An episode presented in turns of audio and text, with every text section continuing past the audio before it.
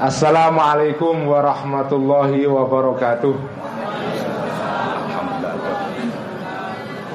Assalamualaikum warahmatullahi wabarakatuh.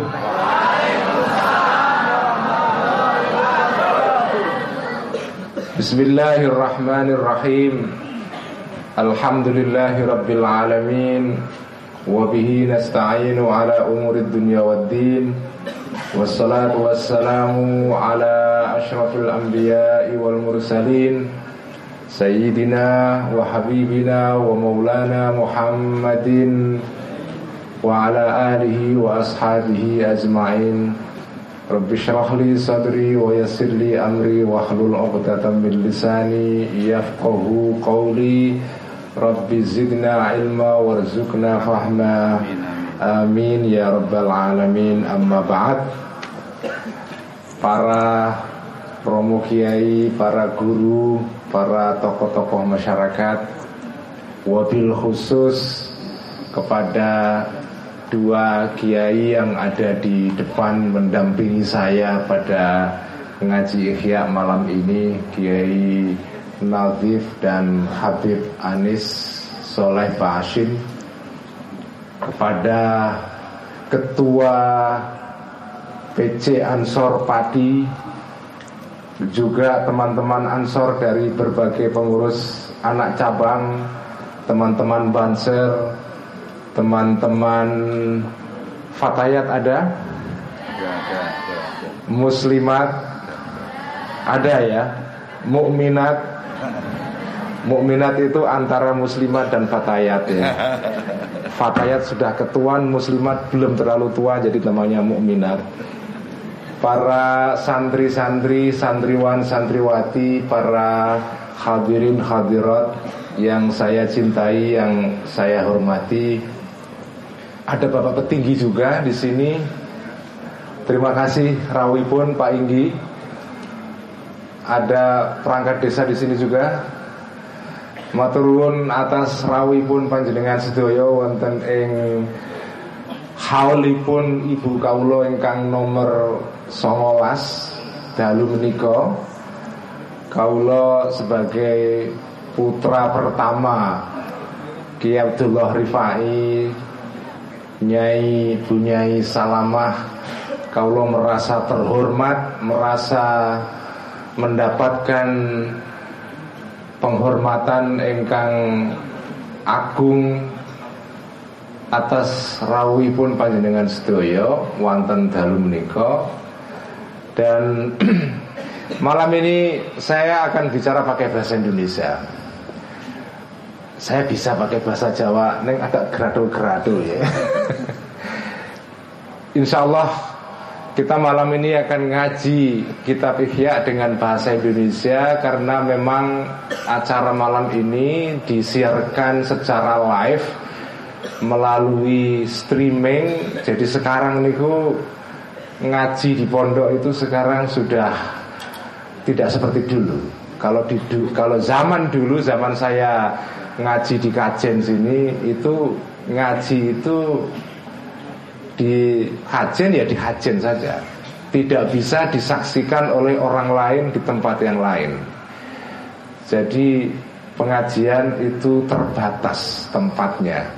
Sekarang berkat teknologi digital okay, itu pengajian itu sekarang sudah tidak mengenal batas. Tempat niku saat niki membuatan relevan.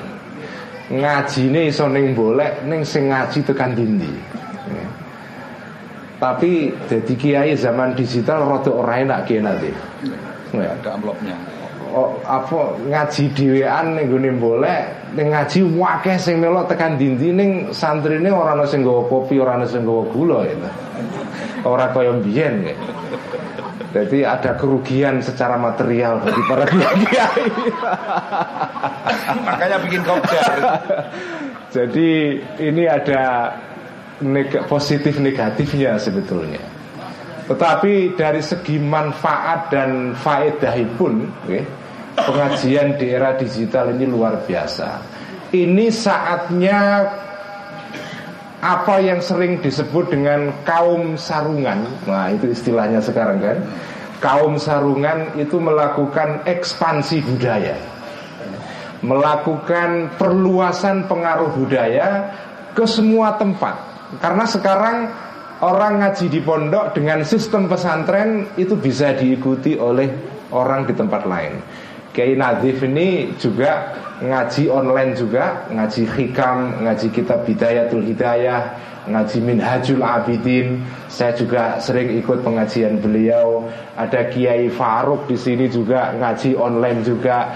Ini kalau ada makin banyak kiai-kiai kita, kiai-kiai dari lingkungan budaya Nahdlatul Ulama ini makin banyak ngaji dan disiarkan secara online itu akan memperluas persebaran pesan-pesan Islam yang membawa rahmat yang ada di pesantren. Nah, saya percaya bahwa salah satu Islam yang pesannya itu membawa rahmat dan itu luar biasa dari segi isi dan metodologinya itu adalah pesan yang terkandung di dalam kitab Ihya Ulumuddin yang malam ini akan saya baca. Kemarin malam saya ngaji Ihya di tempatnya Bib Anis Soleh Ba'asin di acara Suluk Maleman. Beliau ini punya acara di Padi setiap bulan sekali ya. Dan malam ini kemarin saya ngaji di sana sekarang malam ini ngaji di sini ya. Jadi honor yang kemarin saya terima di sana saya bayarkan ke Kiai malam ini. Jadi bobo ya.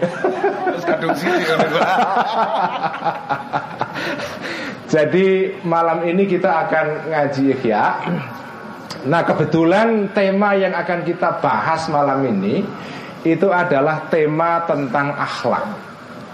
Jadi ini saya membaca kitab Ihya jilid ketiga Pembahasannya kebetulan tentang akhlak Dan saya kira memang relevan saat ini Karena umat Islam sekarang ini Sebagian, tidak semua ya Sebagian umat Islam itu sebetulnya mereka kehilangan visi tentang akhlak itu Jadi yang disebut beragama berislam itu seolah-olah hanya semata-mata beribadah ritual ya, ibadah mahdoh akhlak itu hanya dianggap sebagai bonus tambahan saja ada alhamdulillah nggak ada juga nggak apa-apa nah itu sebetulnya berlawanan dengan visi kitab Ihya yang dikarang oleh Imam Ghazali yang hidupnya pada abad ke 10 Masehi dulu, abad kelima Hijriah. Di dalam pandangan Imam Ghazali Akhlak itu bukan sekedar bonus. Akhlak itu bukan sekedar sesuatu yang kalau ada baik Kalau tidak ada tidak apa-apa. Tidak. Akhlak adalah salah satu ajaran yang kalau tidak ada ya jadi ajaran kitab Ihya kalau akhlak ini tidak ada maka kebaikan-kebaikan yang lain itu menjadi tidak ada gunanya. Jadi kita melakukan banyak kebaikan-kebaikan terutama masalah-masalah ibadah, tetapi kalau di situ akhlak tidak ada, maka itu menjadi tidak relevan. Ada seorang ahli tasawuf namanya Sahel At-Tustari. Beliau mengatakan atau Yahya bin Mu'adz antara dua itu kalau tidak salah beliau juga di dalam kitab ini beliau mengatakan saya ini kata wali atau ahli tasawuf ini saya tuh kalau disuruh milih berteman orang ahli ibadah tetapi ahlaknya buruk orang iso diajak tetanggan orang iso diajak kekancan enak nggak bisa diajak bicara dengan enak. Kalau saya disuruh memilih berteman dengan orang ahli ibadah tetapi akhlaknya buruk atau orang yang tidak ibadahnya tidak terlalu kencang tetapi akhlaknya bagus. Saya dengan ketetapan dan mantap hati mengatakan saya memilih orang yang tidak ibadahnya tidak bagus tetapi akhlaknya bagus sebagai teman. Ini kata uh, wali namanya Yahya bin Mu'afin. Jadi kalau saya disuruh milih dua jenis orang ini sebagai teman, ya, sebagai teman loh ya, sebagai teman di dunia ini, maka saya akan milih orang yang ibadahnya walaupun kurang, tetapi akhlaknya bagus sebagai teman saya. Untuk menggambarkan betapa akhlak ini luar biasa nilainya di dalam agama Islam. Nah, para hadirin dan hadirat yang saya hormati, Imam Ghazali dalam kitab yang nanti akan saya baca, dalam halaman yang akan saya baca akan menjelaskan apa itu sejatinya akhlak itu. Selama ini kita belajar akhlak, akhlak, akhlak, akhlak. Apa itu akhlak? Apa itu hakikohnya atau sejatinya akhlak itu apa? Nah, insya Allah semua yang hadir di sini sudah mendapatkan apa fotokopian, gih, sampun, gih. Yang putri sampun, ya, sampun sedaya. Oh dereng, ya wes nak orang tok ya dungono wae. Ganjarannya luwih gede dungono sambil membayangkan teksnya daripada dungono nganggo teks. Luwih gede ganjarannya soalnya luwih rekoso. Atawab dikodrit taat. Nak sing tuk teks kan moco gampang. Nah ini dungono karo no teksnya itu rekoso. Insya Allah ganjaran luwih gede Jadi sekarang insya Allah sudah dapat teks semua dan malam ini kita akan membaca uh, kitab Ihya pada halaman 935 Satu halaman saja ya itu sudah banyak sekali ya Kinatif ya. Kinatif ini kalau ngaji satu paragraf aja bisa dua jam dia. Jadi uh, kita akan baca halaman 935 tapi sebelum mulai kita akan hadiahkan Al-Fatihah kepada Imam Ghazali. Bismillahirrahmanirrahim. Ila ruhi nabiyina wa syafiina Muhammadin sallallahu alaihi wasallam wa ila arwahil anbiya wal mursalin wa ila arwahil awliya wa syuhada'i was salihin wa ila arwahil العلماء الصالحين والمؤلفين والمصنفين خصوصا مؤلف هذا الخطاب حجة الإسلام أبا حامد الغزالي قدس الله سره ونور ضريفه وعاد علينا من بركاته ونفعنا بعلومه وإلى أرواح أموات المسلمين والمسلمات والمؤمنين والمؤمنات. شيء لله لهم الفاتحة. أعوذ بالله من الشيطان الرجيم بسم الله الرحمن الرحيم الحمد لله رب العالمين الرحمن الرحيم مالك يوم الدين إياك نعبد وإياك نستعين اهدنا الصراط المستقيم صراط الذين أنعمت عليهم غير المغضوب عليهم ولا الضالين آمين يا رب العالمين Bismillahirrahmanirrahim Kita akan membaca Ikhya pada halaman 935 Nah di dalam bagian sebelumnya saya kasih pengantar sedikit.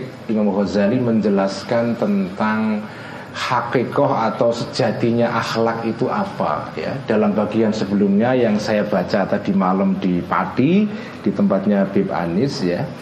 Uh, beliau menjelaskan bahwa definisi akhlak ya, akhlak baik akhlak yang baik maupun yang buruk itu adalah menurut Al-Ghazali akhlak adalah menurut beliau hayatun fin nafsi rasikhatun anha tasdurul af'alu bisuhulatin wa yusrin min ghairi hajatin ila fikrin warawiyatin akhlak itu adalah unsur utamanya adalah hayatun fin nafsi rasikhatun jadi yang disebut dengan akhlak adalah suatu sifat hayah ya. Sifat atau kondisi atau keadaan yang ada di dalam diri manusia tetapi bukan sekedar ada tetapi ada secara rosihotun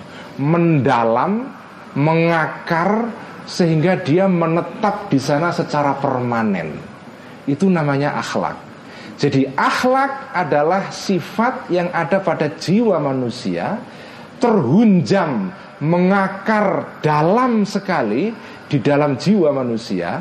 Nah, berkat sifat itu kata Al-Ghazali, orang itu melakukan suatu tindakan, baik itu tindakan baik maupun tindakan buruk secara mudah tanpa dipikir.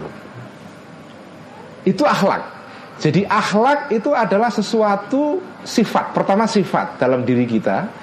Nah, sifat itu kemudian keluar sebagai tindakan karena sifat itu begitu dalam termengakar di dalam diri kita sehingga orang itu melakukan pekerjaan ya yang lahir dari sifat itu secara mudah. Jadi kalau ada orang misalnya sifatnya itu dia pemurah, dermawan, loman kalau bahasa Jawanya, itu dia akan kalau orang boleh menyebutnya brah-brah itu apa? Apa itu brah-brah itu? Royal. Royal. Ya. Dia mudah memberi tanpa min ghairi min ghairi fikrin warawiyatin itu kata kitab Ihya ya. Tanpa dipikir dulu, tanpa ditimbang-timbang. Min ghairi rawiyatin tanpa ditimbang-timbang. Karena itu sudah sifat. Jadi orang melakukan itu itu seperti spontan tanpa dibikin-bikin. Nah ada orang itu yang memberi sesuatu tapi mikirnya itu lama. Butuh waktu seminggu untuk hanya sedekah satu juta saja. Ada itu. Karena memang bukan hayatun rosihotun itu. Itu bukan sifat yang mendalam di dalam diri orang itu. Sehingga butuh waktu lama tidak spontan ya. apalagi di era pilpres ya, pilkada itu ada orang yang dulunya tidak pemurah menjadi pemurah itu. Tiba-tiba mendadak secara secara mendadak dari dulunya itu raloman jadi loman. Tetapi itu loman temporer. Ya kan? Loman temporer. Sementara saja mendadak. Dan itu tidak spontan, tidak alamiah karena tidak sesuai dengan definisi tadi itu. Akhlak itu adalah apa? Hayatun rosihotun. Dia harus lahir dari sifat yang tertanam di dalam diri manusia. Itu akhlak ya. Kata Al-Ghazali. Nah, menurut beliau akhlak itu harus punya empat unsur. Ya. Ini empat unsur harus tersedia secara lengkap kalau orang mau disebut punya akhlak ya. Yang pertama ya, unsurnya kata Al-Ghazali adalah tindakan. Tindakan itu unsur pertama. Karena akhlak itu kan cerminan tindakan yang mencerminkan sifat dalam diri manusia. Kalau sifat itu belum dilahirkan dalam bentuk tindakan, nggak ada orang tahu. Karena sifat itu adalah merupakan sesuatu yang di dalam diri manusia tidak ada yang tahu. Begitu dia sudah lahir dieksekusi dalam bentuk tindakan Maka dia bisa dilihat orang lain Oh orang ini punya akhlak A, B, C. Dia akhlaknya adalah orang yang suka memaafkan misalnya. Karena sudah terbukti dia memaafkan. Itu pertama ya. Jadi unsur akhlak yang pertama adalah Di halaman 9335 yang sudah saya baca semalam ya Di baris teratas ya Fahahuna arba'atu umurin ya. Ahaduha fi'lul jamili wal qabihi. Unsur pertama adalah melakukan sesuatu yang baik ataupun buruk. Karena akhlak itu ada dua, ada akhlak baik, ada akhlak buruk. Itu unsur pertama. Unsur kedua adalah al-qudratu alaihima. Orang itu disebut punya akhlak kalau dia punya kemampuan melakukan sesuatu. Artinya dia melakukan sesuatu itu lahir dari kemampuannya, bukan karena paksaan, ya. bukan karena paksaan. Tadi malam saya menerangkan begini, ada orang-orang itu yang menjadi baik karena terpaksa. Ada orang yang menjadi jelek juga karena terpaksa Bukan karena kudrohnya Bukan karena kemampuan yang ada pada diri orang itu Orang itu kalau masuk desa kajen atau boleh ya, insya Allah akan terpaksa jadi orang baik, insya Allah ya, insya Allah ya, insya Allah akan terpaksa jadi orang baik. Ya. Karena memang banyak orang baik di sini. Kalau mau masuk desa lain, saya nggak sebut namanya nanti mau bikin marah warganya. Tapi mungkin ada desa tertentu yang kalau kita masuk ke daerah itu kita terpaksa jadi orang jelek terpaksa, bukan karena kudroh. Kenapa? Karena manusia itu pada dasarnya kadang-kadang, bukan kadang-kadang sering bertindak itu karena apa yang dalam ilmu psikologi itu disebut dengan peer pressure, ya. tekanan orang-orang yang umurnya sepantaran. Ya. Ini pasti kita pernah ngalami ya. Saya juga pernah muda dulu. Sekarang juga masih muda insya Allah. Waktu dulu saya masih muda itu ngalami meskipun tidak separah seperti yang dialami anak-anak muda sekarang. Anak-anak muda itu biasanya kalau kumpul sesama anak-anak muda yang lain itu merasakan namanya peer pressure, tekanan anak-anak yang umurnya sepantaran. Kalau lihat anak atau temennya menggunakan handphone warna atau jenis merek tertentu, itu kalau kita tidak ngikuti merek yang sama, itu rasanya gimana coba? Kayak kita merasa bukan bagian dari kelompok itu. Kita merasa terasing. Kita merasa horibun. Kayak kata hadis Nabi itu loh. Ja'al Islamu horiban wasayautu horiban kama bada itu. Jadi merasa asing. Itu namanya tekanan. Nah, orang yang bertindak karena tekanan sosial ya, Orang-orang lain kok mobilnya Avanza semua Kalau kita nggak pakai Avanza kayaknya kok kurang sip gitu apa ya Atau orang lain pakai mobilnya Innova Kalau kita nggak pakai Innova merasa kita jalan zaman Nah itu Orang itu sering kali bertindak karena pengaruh dari lingkungan sekitar. Itu namanya itu orang melakukan sesuatu bukan karena kudroh, karena dia dipaksa. Nah kalau ada orang bertindak baik Orang menjadi baik karena masuk desa kajen Karena memang semua orang yang lain di sini baik Lalu dia ikut menjadi baik Itu kebaikan yang dia lakukan Orang itu ketika masuk desa kajen Itu bukan akhlak itu. Karena kalau begitu dia pergi dari kajen Akan menjadi dirinya sendiri lagi Berubah Ya kan jadi kalau dia balik keluar dari kajian ke rumahnya sendiri, ke desanya sendiri, dia akan berubah menjadi orang aslinya. Ya, aslinya jelek ya dia menjadi jelek. Itu namanya melakukan sesuatu bukan karena kudroh, bukan karena kemampuan, tapi karena paksaan lingkungan. Orang menjadi baik temporer saja itu namanya bukan akhlak. Orang yang melakukan tindakan bukan karena hayatun rosihotun itu tidak bisa disebut sebagai orang yang punya akhlak. Gitu.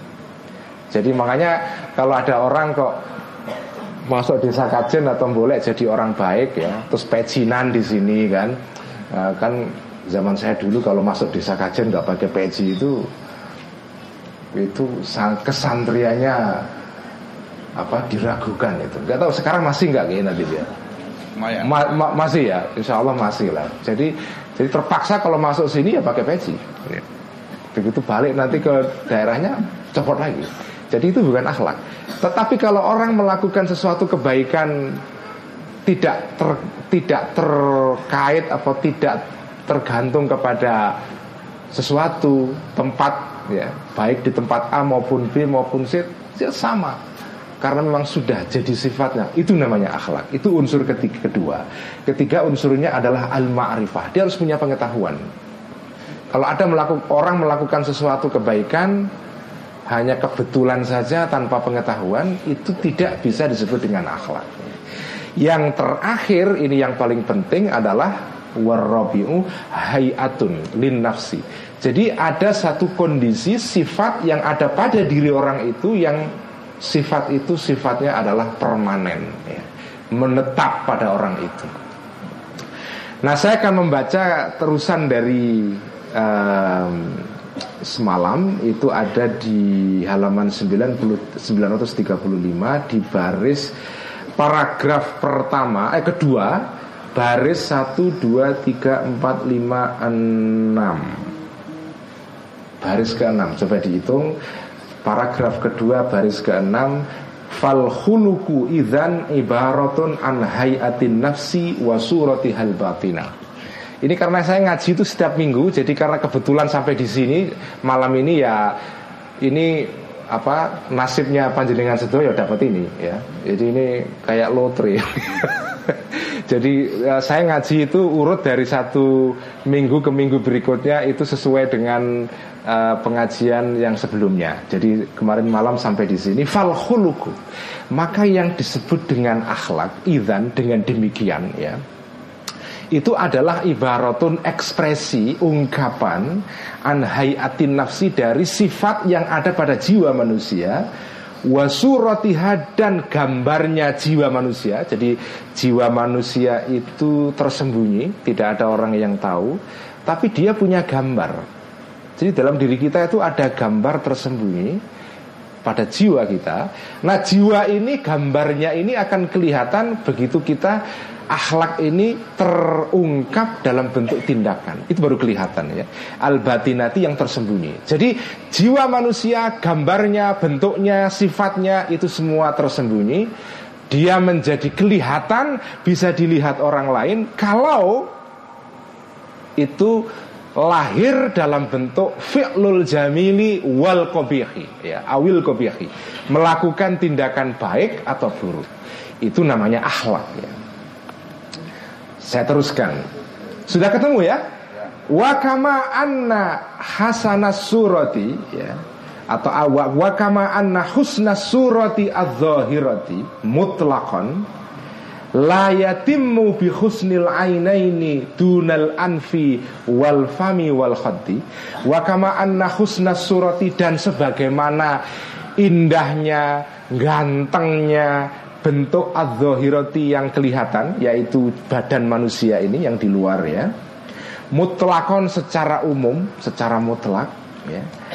Layatimu tidak sempurna ya. Keindahan fisik atau badan manusia yang bisa dilihat manusia ini kata Al Ghazali Bapak Ibu sekalian manusia itu sebetulnya bukan satu dimensi manusia itu ini semua yang yang ada di depan saya ini kan manusia semua. Saya yakin ini manusia semua ini ya. Nggak ada yang jin kan ya? Hah? anak semua manusia ini. Manusia yang di depan saya ini ini ada dua dimensi. Ada dimensi fisik yang kelihatan oleh mata kita. Itu Al Ghazali menyebutnya adalah holkun ciptaan luar. Kalau istilah HP itu apa namanya? Casing, casing ya. Ini semua saya yang saya lihat ini casing semua ini ya. Casing casing ini. Ah, itu namanya holkun ciptaan luar. Tetapi ada juga ciptaan dalam yang orang Jawa menyebutnya adalah jasad alus jadi dalam diri manusia itu ada dua jasad. Ada jasad kasar yang bisa kita lihat. Al-Ghazali menyebutnya adalah holkun ya Ciptaan. Ada jasad alus namanya hulukun Jadi ada holkun, ada hulukun Itu hampir sama Istiqoknya atau asal usulnya sama Kholako yakhluku kholkon wa hulukun ya. Jadi itu artinya menciptakan Ada ciptaan luar Namanya holkun Orang Jawa menyebutnya jasad kasar, wadak kasar. Ada yang disebut dengan wadak yang alus, jasad alus yang tidak kelihatan dalam diri manusia itu namanya khulukun. Nah, jasad alus itulah yang menjadi tempat akhlak. Nah, kata Al-Ghazali, sebagaimana indahnya, gantengnya, cantiknya badan luar mutlakon layatimu tidak bisa sempurna ya. Uh, Bihusnil aina ini hanya dengan indahnya dua mata saja ya. Matanya bagus tetapi dunal anfi tidak apa? Al anfi uh, hidung ya, wal fami dan mulut, wal khoti dan pipi ya. Kalau ada orang matanya indah tetapi hidungnya tidak indah, mulutnya tidak indah, pipinya tidak indah, itu tentu keindahannya tidak sempurna namanya keindahan yang parsial, sebagian saja. Itu kata Al-Ghazali itu adalah kondisi badan lahir ya yang disebut dengan asurah az-zahirah ya. Badan luar ini itu menjadi indah kalau keindahannya itu komprehensif ya. Keindahannya itu ya semua. Ya mata, ya hidung, ya pipi, ya mulut ya ya dada ya perut ya kaki ya semuanya orang kalau bagus kalau ganteng kalau cantik itu ya semuanya kalau cantik itu hanya mata saja ya, tidak cantik pasti. Mata itu kelihatan cantik karena didukung oleh elemen-elemen lain yang cantik. Oh itu kan seolah-olah ahli kecantikan, seolah ahli kecantikan malam ini saya. ya, jadi mata itu menjadi indah. Wah, matanya kamu kok indah sekali. Itu bohong sebetulnya. Mata indah itu tidak bisa sendirian. Ya. Indah, ma, indahnya mata itu karena dia berada di antara hidung, bibir, bi- Iki malam ini kok jadi ngomong orang kena kabeh ya. ya, itu indah semua, ya. Indah semua. Kalau ada salah satu yang geser, ya jadi kekurangan indah, apa keindahannya berkurang. Itu kata Al Ghazali. La yatimmu bi husnil ainaini faqat dunal anfi wal fami wal khaddi. Nah, kata beliau bal la buddha. Sebaliknya, ya, La Buddha harus ya min husnil jami'i dari keindahan semuanya itu. Semuanya harus indah ya. Liyatimma supaya menjadi sempurna husnul zahiri ya, kebagusan, keindahan bentuk lahir ini. Itu itu adalah holkun ya, bentuk luar. Oleh karena itu fakadzalika maka begitu juga fil batini di dalam hal yang menyangkut ini jasad batin ya wadak batin atau jasad alus yang ada di dalam diri manusia yang tidak terse- yang tersembunyi begitu juga hulukun ya badan batin kita itu juga sama ya. arba fakadzalika maka begitu juga fil batini di dalam jasad batin kita arbaatu arkanin ada empat rukun ada empat apa rukun ya soko atau pilar ya la buddha yang harus tidak boleh tidak minal husni dari kebagusan keindahan fi jami'iyat dalam semuanya ya. saya sebetulnya itu baca kitab itu Kiai lebih enak pakai maknani Jawa ya coro kitab, coro Jawa, coro pesantren. Tapi kalau saya baca pakai bahasa Jawa nanti yang pendengar yang di luar sana akan marah. Ya. Jadi terpaksa saya ngaji pakai bahasa Indonesia. Asalnya ratingnya tuh Eh, ratingnya turun kalau pakai bahasa Jawa hanya bu, hanya boleh tok nanti yang paham gitu. Ini kan pengajian internasional jadi harus harus harus pakai bahasa yang bisa dipahami semua orang. Tapi kalau pakai saya pakai bahasa Indonesia nanti kerepotan. Utawi itu bahasa Indonesia apa coba? Nggak ada Eh, nggak ada kan? Utawi, tamyiz apa nih itu? Masa saya baca apanya loh kok jadi nggak nggak- pantas itu ya? Arba'ina 40 dinaron apanya? Wagu itu. Jadi memang terkip ala pesantren ini susah diterjemahkan itu. Jadi ya kalau yang nggak pernah merasakan pesantren tidak akan tahu itu. Jadi saya menggunakan makna bahasa Indonesia ini agak kerepotan karena tarkibnya hilang semua. Ya. Jadi utawi iki iku ya sopo ing apane ing dalem ya yento apa yento bahasa Indonesia itu coba Hah? apa ya nggak ada Yento itu apa?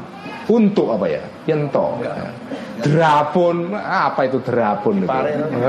Diparil. Dimairil. Ah, serang kena gitu. Jadi susah itu di, di, di Indonesia kan itu. Jadi beruntunglah kalian yang nyantri di pesantren Jawa ini karena untuk makna lengkap. Ya. Ini makna utawi kiku ini sebetulnya ini temuan orisinal orang ulama Islam Nusantara ini. Di tempat lain nggak ada. Jadi kan ngaji di Amerika atau saya pernah ngaji di sana Amerika ya, nggak ada itu terkip kayak begini itu susah. Mau bahasa Indonesia aja nggak bisa mengindonesiakan utawi apalagi Inggris kan. Bagaimana menginggriskan utawi itu? Nggak ada nggak bisa itu. Ya. Jadi susah. Jadi ini adalah utawi kiku ini adalah ciptaan orisinal orang-orang atau ulama Indonesia, ulama Nusantara. Jadi ulama Melayu juga pakai juga seperti ini ya, ulama-ulama di tanah Melayu dulu. Termasuk di Thailand Selatan ada namanya dulu seorang ulama dari dari Thailand Selatan Dawud eh, apa itu?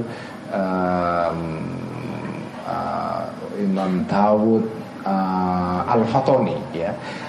Al Fatani ya. Dawud Al Fatani ini adalah salah satu ulama dari Thailand Selatan. Dia mirip dengan Kiai Nawawi Banten nulis kitab banyak sekali. Cuma bedanya kalau Kiai Nawawi Banten nulis dalam bahasa Arab, nah Imam Dawud ini itu menggunakan bahasa Melayu, sama dengan Mbah Soleh Darat pakai bahasa Jawa, ini pakai bahasa Melayu, dan itu juga sama menggunakan tarkib. Sebetulnya bahasa Melayu itu punya cara untuk mem memaknai tarkib itu. Jadi misalnya mubtada itu mereka menggunakan istilah bermula. Jadi zaitun imun zaitun bermula zaid, imun adalah berdiri. Rotok wagu janjane ya. nah, fa'il itu maknanya adalah oleh. Ya, fa'il itu oleh. Maf'ul terhadap. Jadi kalau misalnya doroba zaitun amron, doroba memukul zaitun oleh Zaid, amron terhadap Umar. Jadi, nah tapi kalau tamyiz saya belum ketemu itu. Ya, tamyiz itu apa? Apanya atau itu saya belum tahu. Jadi memang agak susah, tapi ya terpaksa saya menggunakan bahasa Indonesia karena audiensnya dari berbagai daerah. Jadi sebagaimana Jasad zahir kita itu tidak sempurna keindahannya, kebagusannya, kecantikannya tanpa keindahan seluruh elemen-elemennya, ya, tidak hanya satu elemen saja. Maka begitu juga fakadzalika fil batini arba'atu arkanin. Dalam jasad diri kita, jasad yang tidak terlihat ya, itu ada tiga, ada empat rukun yang harus semuanya indah ya. Hatta yatimma sehingga menjadi sempurna husnul khuluqi bagusnya, indahnya akhlak itu. Nah nanti akan diterangkan apa itu empat rukun di dalam jiwa manusia yang harus semuanya bagus supaya orang bisa disebut punya akhlak yang baik. Tidak hanya salah satu. Nah, malam ini kita akan membahas empat perkara ini ya. Empat perkara cukup lah ya karena satu perkara itu mahal harganya. Ya. Jadi kita akan bahas empat perkara saja malam ini yaitu mengenai empat perkara yang menjadi rukunnya, pilarnya, fondasinya akhlak itu. Apa itu empat perkara itu? Faidah stawat, maka ketika menjadi apa? Menjadi sama, menjadi baik ya, menjadi seimbang menjadi balance itu faidah stawat ya menjadi seimbang. Al arkanu empat rukun-rukun al arbaatu yang empat tadi itu wa'tadala dan menjadi tidak menjadi harmonis menjadi seimbang juga. Watana sahabat dan menjadi harmonis keempat rukun tadi itu hasola maka akan terjadilah maka akan terciptalah husnul khuluki apa bagusnya atau indahnya akhlak ya. Nah, apa itu wahua ya? Wahua yang disebut dengan tadi itu uh, al-mazkur minal arkan al-arba'ah ini adalah ilmunya bapak saya dulu Mbah Abdullah Rifai. Kalau kita menghadapi ini ilmu bagi para santri ya. Nah, ono domir ini ini ilmu saya dapatkan dari bapak saya. Saya nggak tahu dari mana beliau. Mungkin dari Mbah Madun Pondoan itu. Kalau ada domir mufrad Sementara marjeknya Rujukannya itu jamak Tadi kan ada arkan arba'ah ya kan? Rukunnya empat. Mestinya kan wahia. Tapi kok kenapa di sini sebut wahua? Susah ini. Nah itu ada cara ngakalinya ala pesantren itu. Nah menurut ini triknya Mbah Abdullah Rifai almarhum ya Allah ya Beliau ngakalinya begini. Wahua ay al-madhkur minal arkanil arba'ah ya. Sesuatu yang al-madhkur itu kan mudhakar ya. Sesuatu yang sudah disebut tadi itu yaitu arkan arba'ah tadi itu ya. Itu cara ngakalinya. Jadi kalau mahasiswa modern cara ngakalinya agak sedikit kurang sopan. Ah ini salah cetak pasti ini. Mestinya wah iya ini. Nah, itu kalau mahasiswa sekarang. Tapi kalau kalau santri itu nggak berani menyalahkan apa itu kitab itu? Nggak berani Imam masa salah ini kan?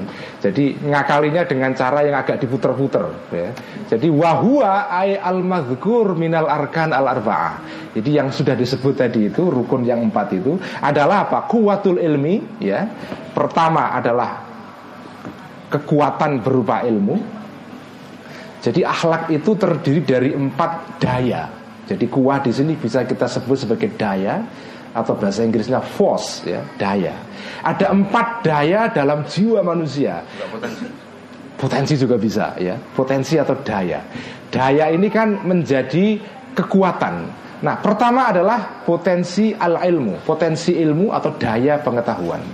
Wa quwwatul ghadabi dan potensi atau kekuatan daya berupa rasa marah. Ya. Atau sikap marah. Wa quwwatus syahwati dan daya syahwat menyenangi sesuatu.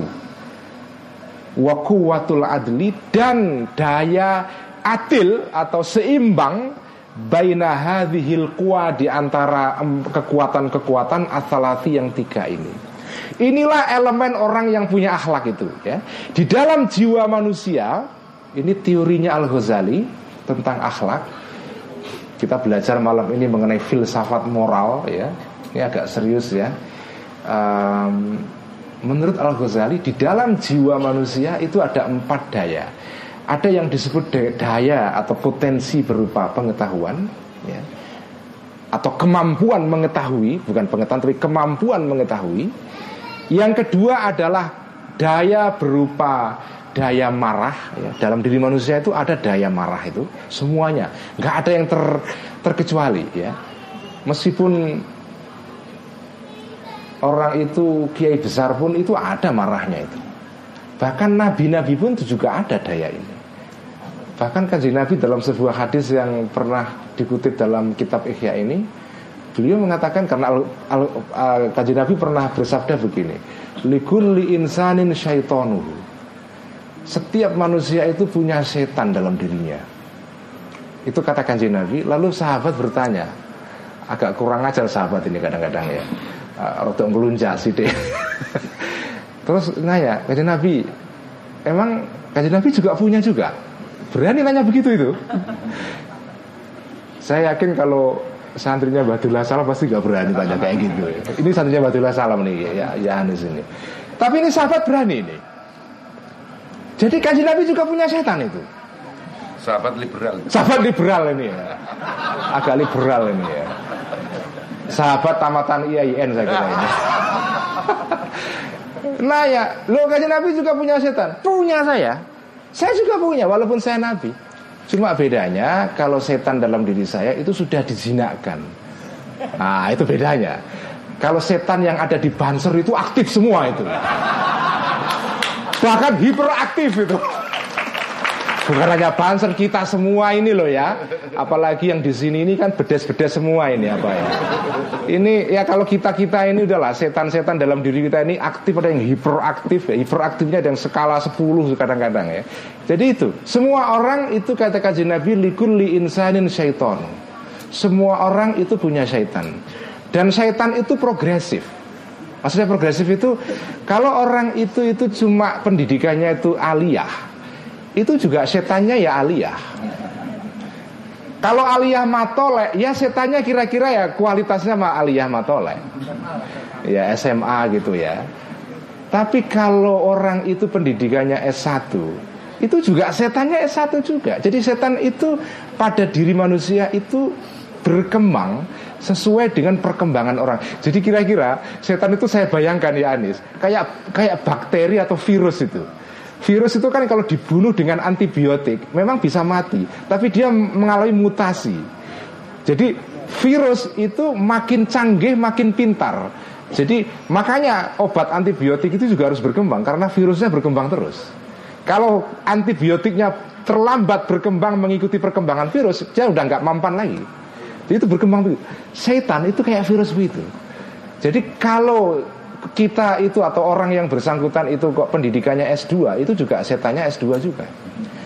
Kalau pendidikannya S2 Al Azhar Kairo kayak Kiai Nadif ini juga setannya naik kelas terus itu. Jadi begitu, setan itu ada pada setiap manusia dan perkembangan dia itu mengikuti perkembangan orang bersangkutan. Karena itu orang selalu ditantang terus-menerus dengan kekuatan jahat yang ada pada dirinya. Karena itu kuatul hodok Daya marah itu ada pada semua orang.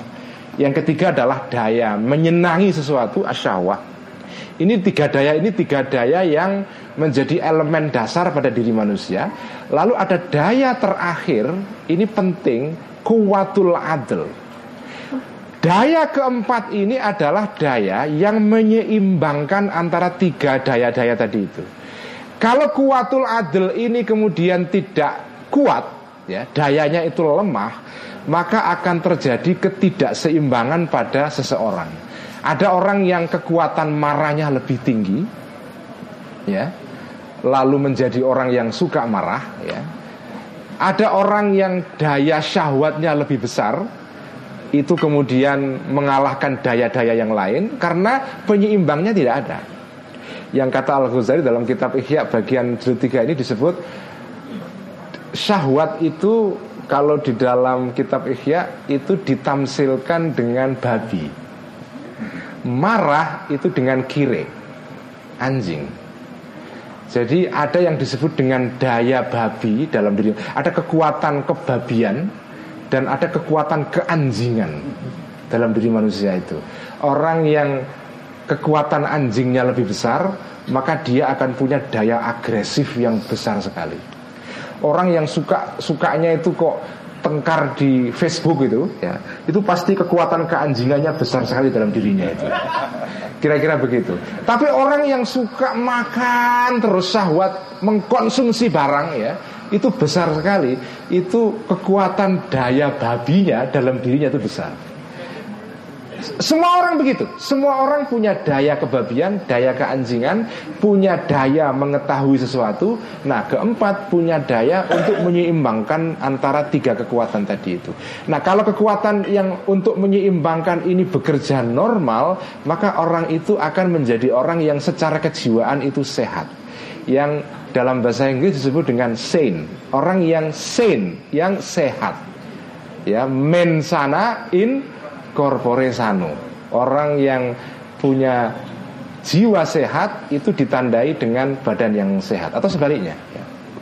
Itulah itulah empat kekuatan. Akan didetailkan sekarang pelan-pelan ya. Saya mungkin nggak bisa baca semuanya nanti akan saya baca sebagian nanti biar diteruskan dikomentari oleh Bib Anis sama Bib Nadif ya. Ini Habib juga ini. Apa tadi Arab Arab Patingena. Arab Patingena. Amma kuwatul ilmi, adapun daya mengetahui sesuatu, ya di sini bukan artinya pengetahuan tapi mengetahui sesuatu, daya untuk bisa mengetahui sesuatu. Fahusnuha, maka bagusnya daya ini, ya, wasolahuha dan baiknya dan baiknya daya ini ya adalah bagaimana? Bisa terjadi fi antasiro. Adalah di dalam dia bisa menjadi daya tadi itu biha itu yashulu. Uh, begitu rupa sehingga menjadi mudah. Biha melalui kuah daya tadi itu darkul farki mengetahui perbedaan bainas sidki antara yang benar atau kebenaran wal kizbi dan kebohongan. Fil akwali di dalam segala pernyataan, statement, kata-kata, deklarasi atau apa pun itu namanya akwal ya. Jadi yang disebut dengan daya ilm ini menurut Al Ghazali ya. Apa itu ilmu? Definisi ilmu adalah kekuatan pada diri manusia yang membuat kita bisa membedakan antara statement atau pernyataan yang benar atau pernyataan yang bohong. Itu namanya ilmu. Kalau orang punya daya ini, insya Allah walaupun bertebaran hoax atau hoax ya sekarang di dunia internet, insya Allah nggak masalah. Problemnya adalah manusia sekarang itu kuatul ilmunya ini lemah sekali, sehingga dia mudah sekali percaya kepada kabar-kabar yang tidak tidak jelas. Ya. Sekarang kan kita hidup di era digital, ya semua orang sekarang punya handphone, ya baik yang buatan Cina maupun tidak ya. Mau handphone yang murah maupun mahal. Sekarang handphone itu kan itu alat yang dasar sekali di tangan kita. Handphone itu bisa dipakai untuk mengakses segala informasi. Semua orang sekarang pakai WhatsApp. WhatsApp itu bisa menerima pesan apa pun. Nah di tengah-tengah masyarakat digital seperti ini kalau kuatul ilm ini tidak kuat jadi ilm ini definisi Al Ghazali penting sekali ya ilmu itu apa sih? Kalian bisa bisa mencari ilmu. Apa itu ilmu?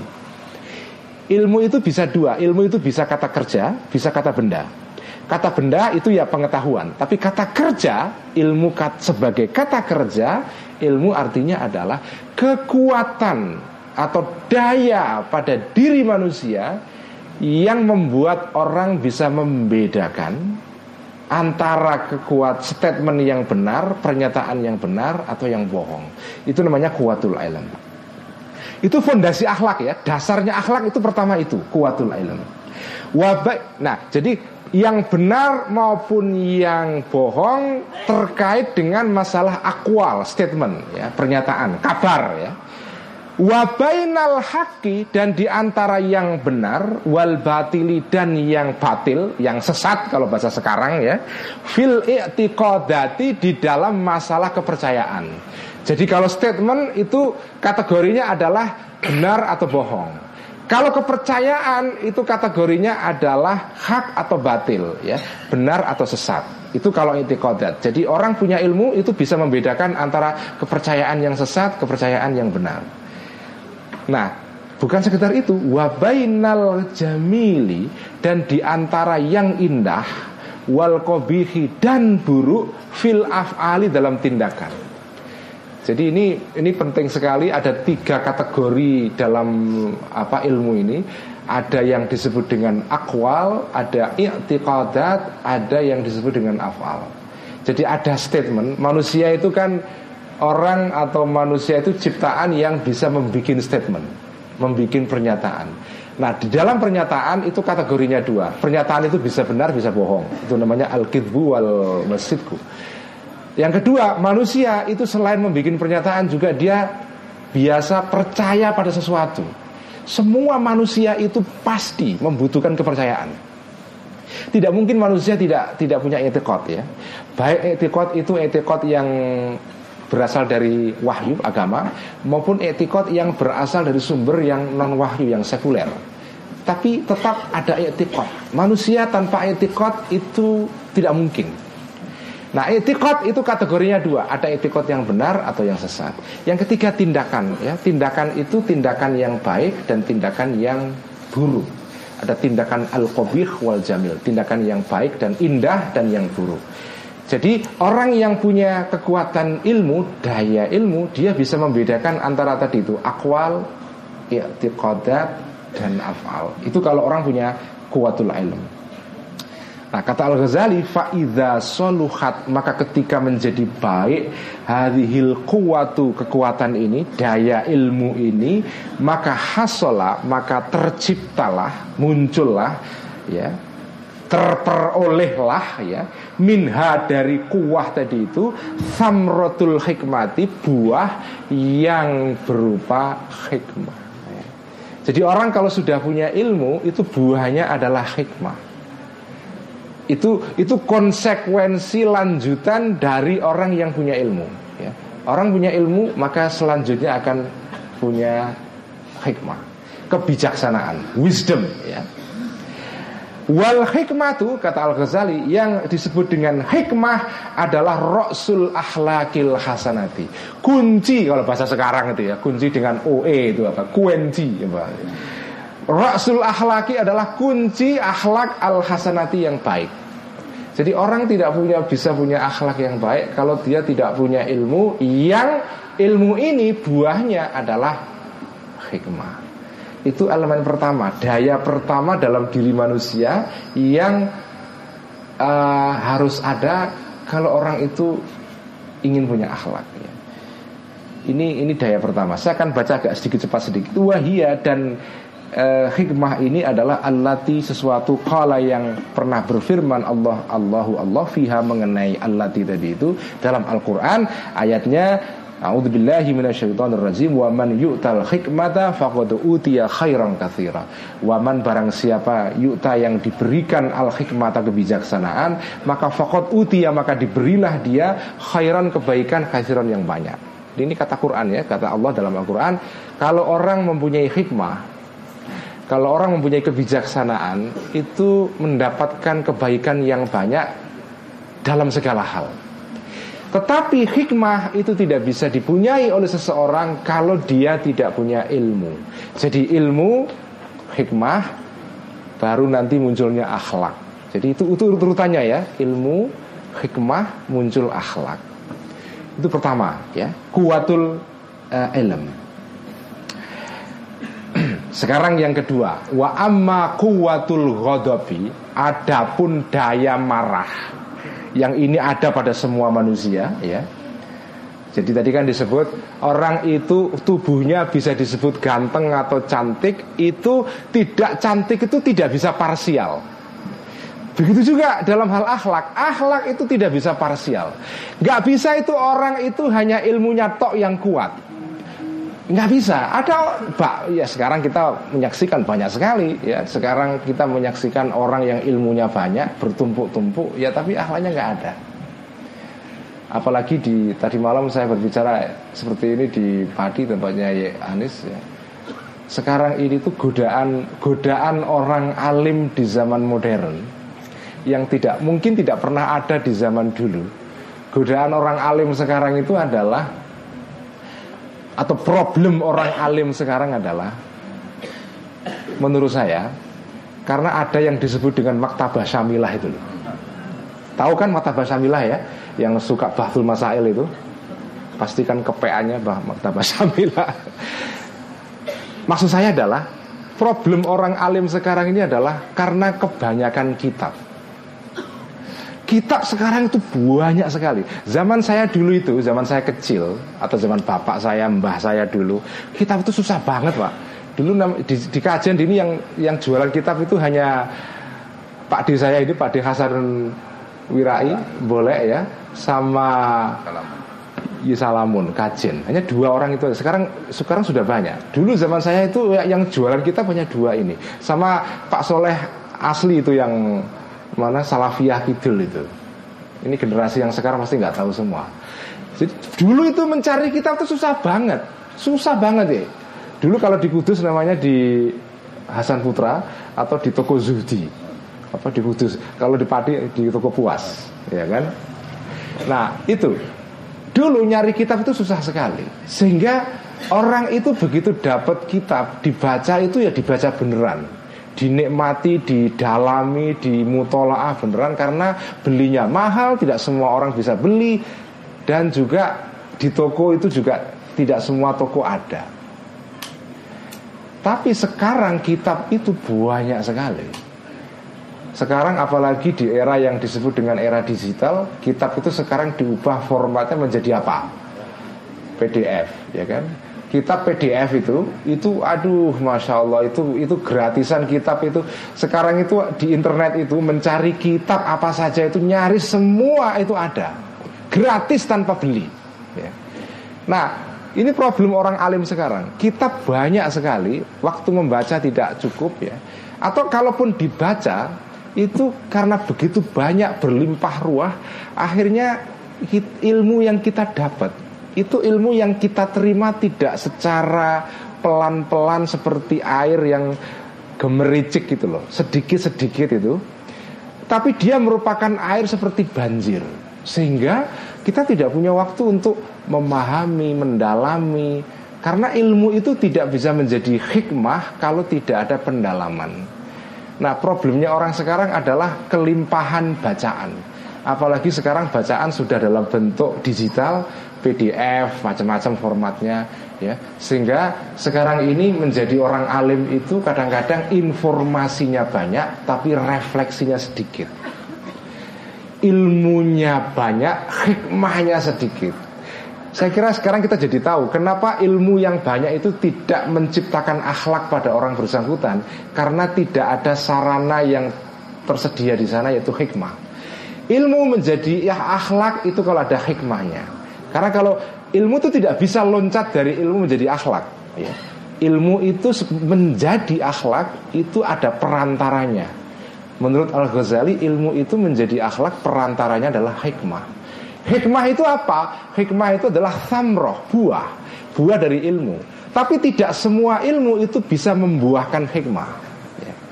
Ilmu bisa membuahkan hikmah kalau ilmu itu dihayati, dipelajari, didalami, diresapi maknanya, kemudian menjadi hikmah dan setelah menjadi hikmah baru menjadi uh, apa itu akhlakul karimah. Itu adalah kuatul ilm.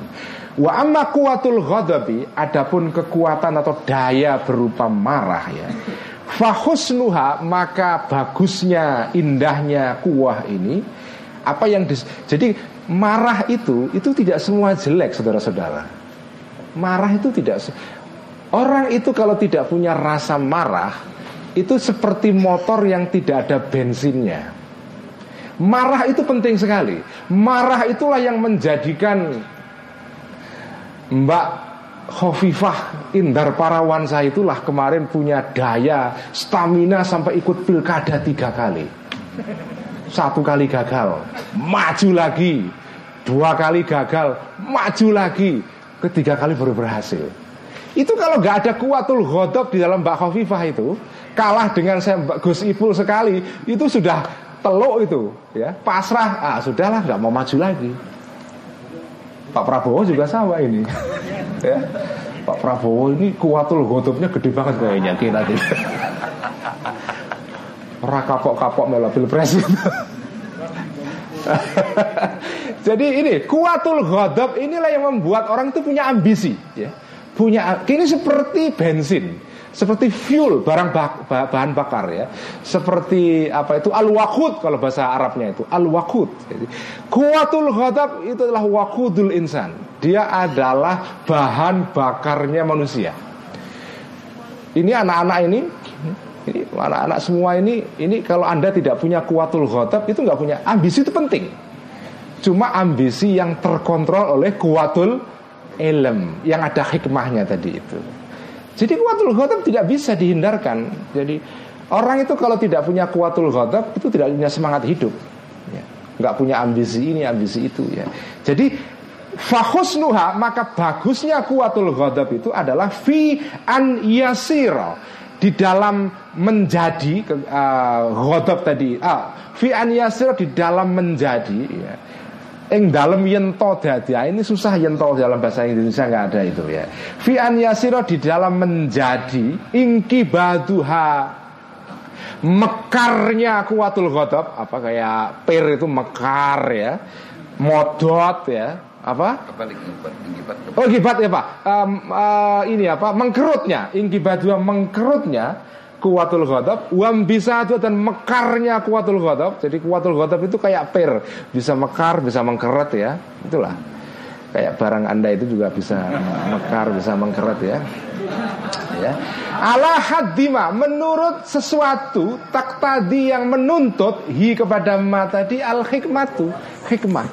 Jadi Kuatul ghadab itu Ini pelajaran penting Bapak Ibu sekalian ya. Daya marah itu baik. Bisa baik bisa buruk ya. Tapi bisa menjadi baik Syaratnya adalah Kata Al-Ghazali Adalah kalau ingkibat dan imbisatnya Mulur mungkretnya itu Jadi uh, naik turunnya Up and downnya itu Itu dikontrol oleh kuatul hikmah yang berasal dari ilmu. Itu menjadi jadi ambisi ya, ambisi itu akan baik. Ambisi itu adalah kuatul khotob ya.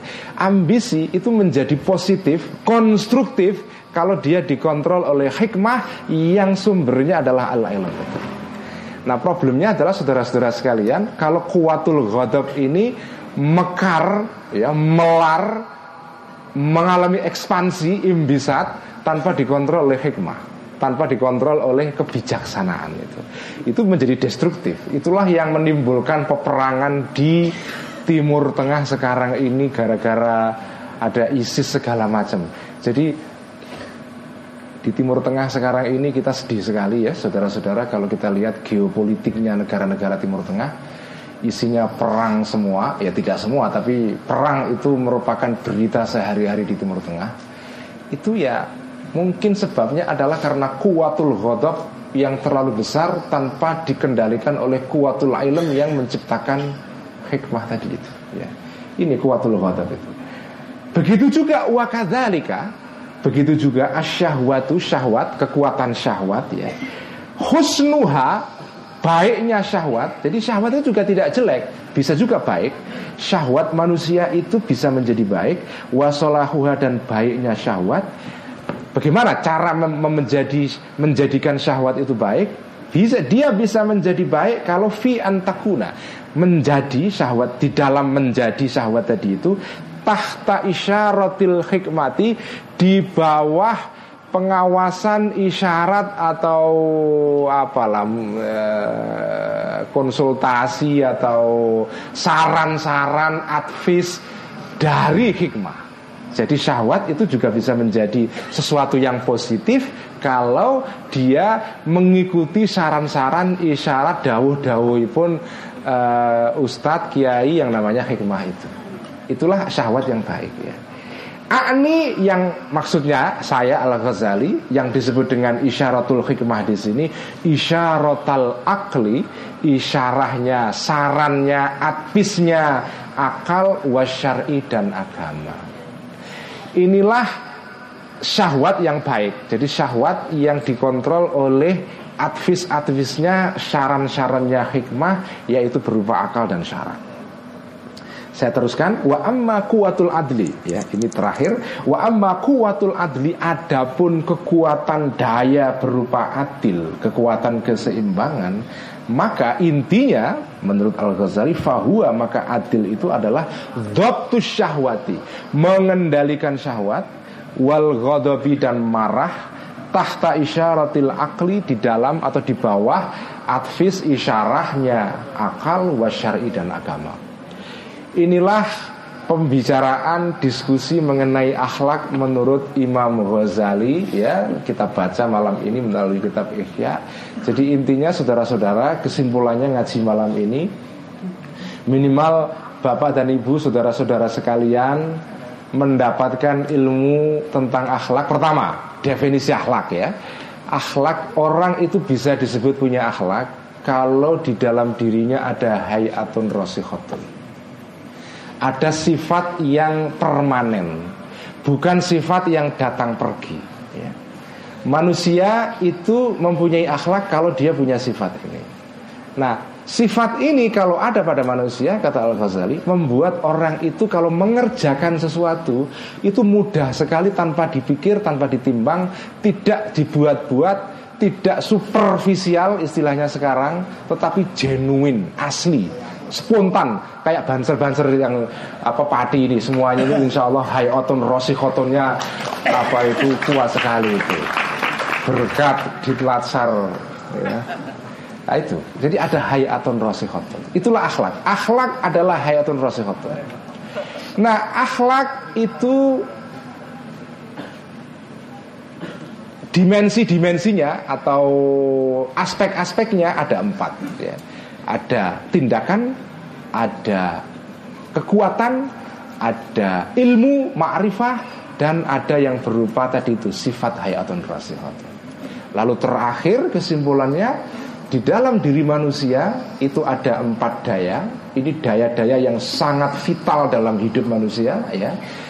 Daya ilmu ya, daya bisa mengetahui sesuatu yang melahirkan hikmah, daya berupa marah, daya berupa syahwat menyenangi sesuatu. Dari syahwat inilah lahir yang disebut dengan tindakan konsumsi ya. Maka sekarang kalau disebut konsumerisme atau konsumtivisme itu lahirnya atau sumbernya adalah kuatus syahwat. Yang terakhir adalah kekuatan yang menyeimbangkan antara ini semua. Kalau itu semua tercipta maka timbullah akhlak itu Sekian ngaji ikhya pada malam hari ini. Saya akan berikan kesempatan kepada eh, Bib Anis juga Bib Nadif untuk memberikan Saya sekarang moderatornya Bib. Ya, ya. Jadi monggo uh, ditanggapi. Tanggapannya boleh panjang, boleh pendek Silakan saja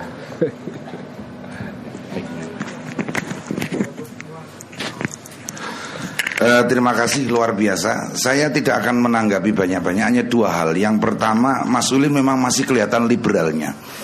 Jadi tadi di awalnya beliau berkatakan akhlak bukan sekedar bonus. Al Ghazali mengatakan kalau akhlak tidak ada maka segala kebaikan tidak ada artinya. Digambarkan tadi asal at-tasatturi. Babetnya begitu. Ini baru dua kesalahan saja begitu ya. Dari beliau saya mencatat hanya dua kesalahan di dalam uh, sorofnya luar biasa. Saya, saya, saya catat detail ke situ. Uh, Jadi memang ada digambarkan tadi Sahal At-Tasaturi mengatakan saya lebih baik berteman dengan orang yang baik akhlaknya meskipun ibadahnya sedikit. Ini sekuler sekali, bukan sekuler, liberal sekali. Tapi kalau Mas Ulil liberal, hikam lebih liberal. Maksiatun aurasat dhullan wang kisarun khairun min ta'atin aurasat izan wastikbaron. Jadi bagi para pengkritik Nakiti Mas Ulil hari ini harus kembali membaca hikam. Jadi kalau dikatakan ini Ulil ini maunya pokoknya Ahok lah asal baik gitu kan gitu. Nah, itu kan enggak ini liberal sekali ini lah. Jadi maksiatun aurasat dzullan wangkisaron maksiat tetapi menyebabkan dirinya itu uh, uh, merasa hina, punya etika, tawadu. Nah, itu lebih baik daripada ta'ah tetapi aurasat izan wastikbaran menyebabkan yang memiliki uh, yang bertaat itu merasa lebih baik daripada yang lain. Jadi liberalnya Mas Ulil masih kalah dengan liberalnya Al Hikam begitu. Selanjutnya yang kedua tadi sudah saya sampaikan bahwa Mas Ulil sudah memiliki akhlak tawadu. Tadi beliau merasa tarkibnya hilang. Padahal tidak saya merasa tarkib-tarkibnya Mas Ulil nahwu sudah malakah Pertama kali baca saya diamkan tadi. Pada paragraf yang pertama kali wa, wa kama anna hasanal khulki saya diamkan aja. Ternyata diralat sendiri. Husnal khulki ini luar biasa ini.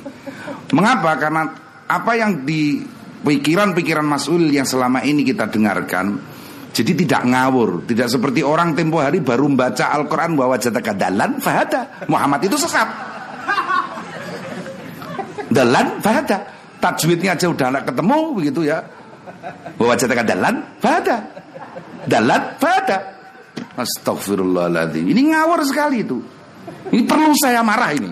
Perlu saya marah ini. Iya Saya sampai adakan pool. Kuatul. Ghadab ini. Saya adakan polling pendapat di Facebook saya gitu. Alhamdulillah 85% eh, meminta diproses hukum. 15% tidak usah dimaafkan tapi jangan ngomong lagi begitu kan Nah ini, ini ngawur sekali. Kesalahan Mas Ulil satu-satunya karena begini, ini pengalaman di Mesir. Rata-rata disertasi orang asing itu jatuhnya pada uh, huruf-huruf jer setelah fi'il fi'il. Kan ada mu'jam al-ahruf al-muta'adiyah al-af'al al-muta'adiyah biharfin. Mas Ulil tadi kesalahannya hanya satu, yaitu wahiyallati qala Allahu fiha. Beliau menerjemahkan fiha tentang kalau tentang itu ala atau an, an. Jadi padahal ini mestinya benar-benar yang dimaksudkan oleh Allah dalam firman-Nya wa may yu'tal hikmata faqad utiya khairan katsira. Satu-satunya kesalahan Mas Ulil ya karena memang belum pernah belajar di Mesir. Begitu. Lebih dari itu saya sangat-sangat terkesima. Berulang kali mutaati huruf-huruf jernya dimaknai secara sempurna. Sampai beliau juga dikit-dikit tadi nyarahi. Misalnya baris kedua, layatimmu bihusnil aini fakat dunal anfi wal fami wal ini luar biasa. Betul-betul saya terkejut. Saya sekarang sudah nggak ada sekat uh, psikologis lagi dengan beliau. Dulu saya termasuk pengkritik beliau, sekarang ya meskipun tidak belum belum pengikutnya, belum pengikutnya, tapi saya melihat memang sudah malakah beliau di ilmunya. Ini sekaligus untuk anda-anda yang santri ini karena kita di, di, di, di desa pesantren ya, di pondok pesantren. Jadi uh, saya sekarang juga ya ini juga malam ini saya termasuk yang paling bahagia. Insya Allah mulai besok saya juga kalau online pakai bahasa Indonesia. Saya akan menguji sejauh mana malakah saya terhadap Saya kira itu saja komentar saya. Sepenuh-penuhnya tanpa saya kasih pengantar kepada Habibana Bib Anis.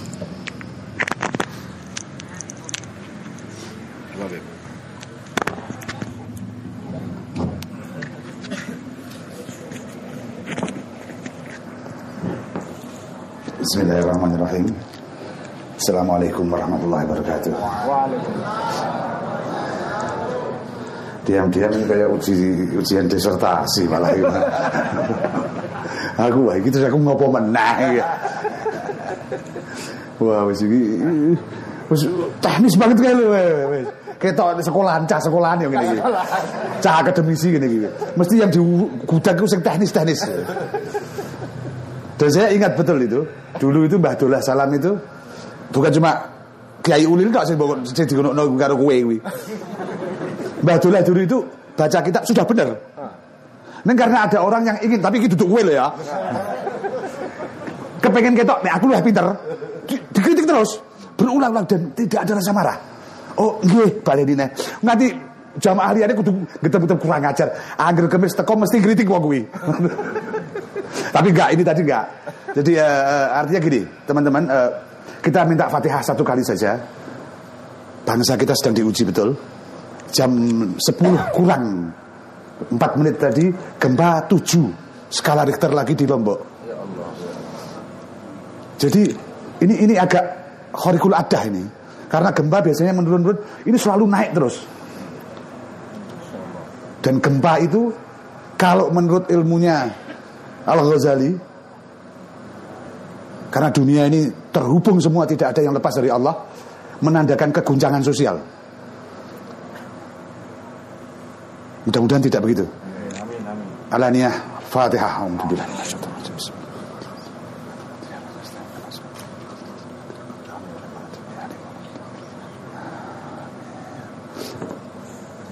Ya, balik lagi. Eh, gini, menarik sekali tentang saya mau loncat-loncat saja ya, nggak apa-apa ya. Dan pakai bahasa Indonesia yang saya enak edw. Gus Ulil, saya terbayang sesuatu yang lain tentang godop syahwat. Tadi kan terjemahan formalnya godop itu marah. Padahal bukan sekedar marah itu. Eh, eh, istilah dalam tasawuf itu kadang-kadang masuk keluar ber meloncat-loncat. Imam Ghazali ketika membahas tentang nafs al-amarah al-lawamah kemudian mutmainah itu juga yang dibicarakan hampir sama. Cuma sekarang gini, godop kita artikan marah. Kemudian kita imajinasi kita marah ki wong. Padahal bukan itu yang dimaksud.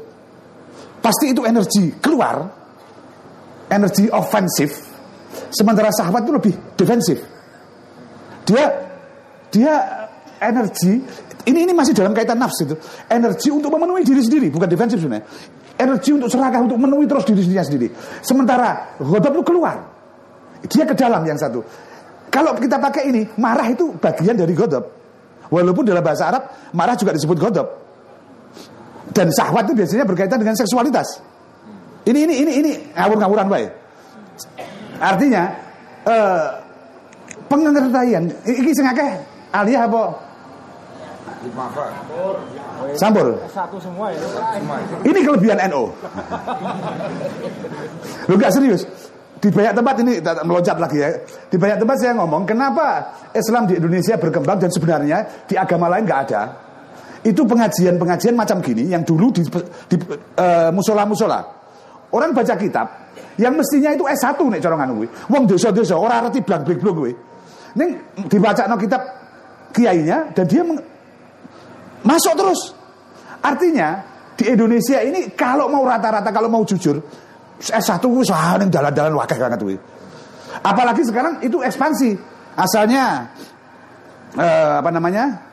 pakai sistem gendoro saat desa kuwi. Jadi eh, apa? Bukan online apa sih? On air. Kemudian sekarang online. Maka kalau kita ingin tradisi ini harus menyesuaikan zaman, maka apa yang di- dilakukan oleh Gus Ulin, Gus, Nad, Gus Nadib itu sebaiknya sebanyak orang membuat itu. Ya rugi-rugi kan, tapi ku ono duite kok kuwi. Lu- rugi kuota tapi nek gue nganggo YouTube ki nek su- subscribernya banyak ya untuk pemasukan kok gue. Ono rezekine. Ono rezekine. Jadi ojo ojo kuatir. Yang yang Hah? Yahudi, Yahudi ora ora apa-apa Yahudi. Wong kowe ya tekan Israel wae kok.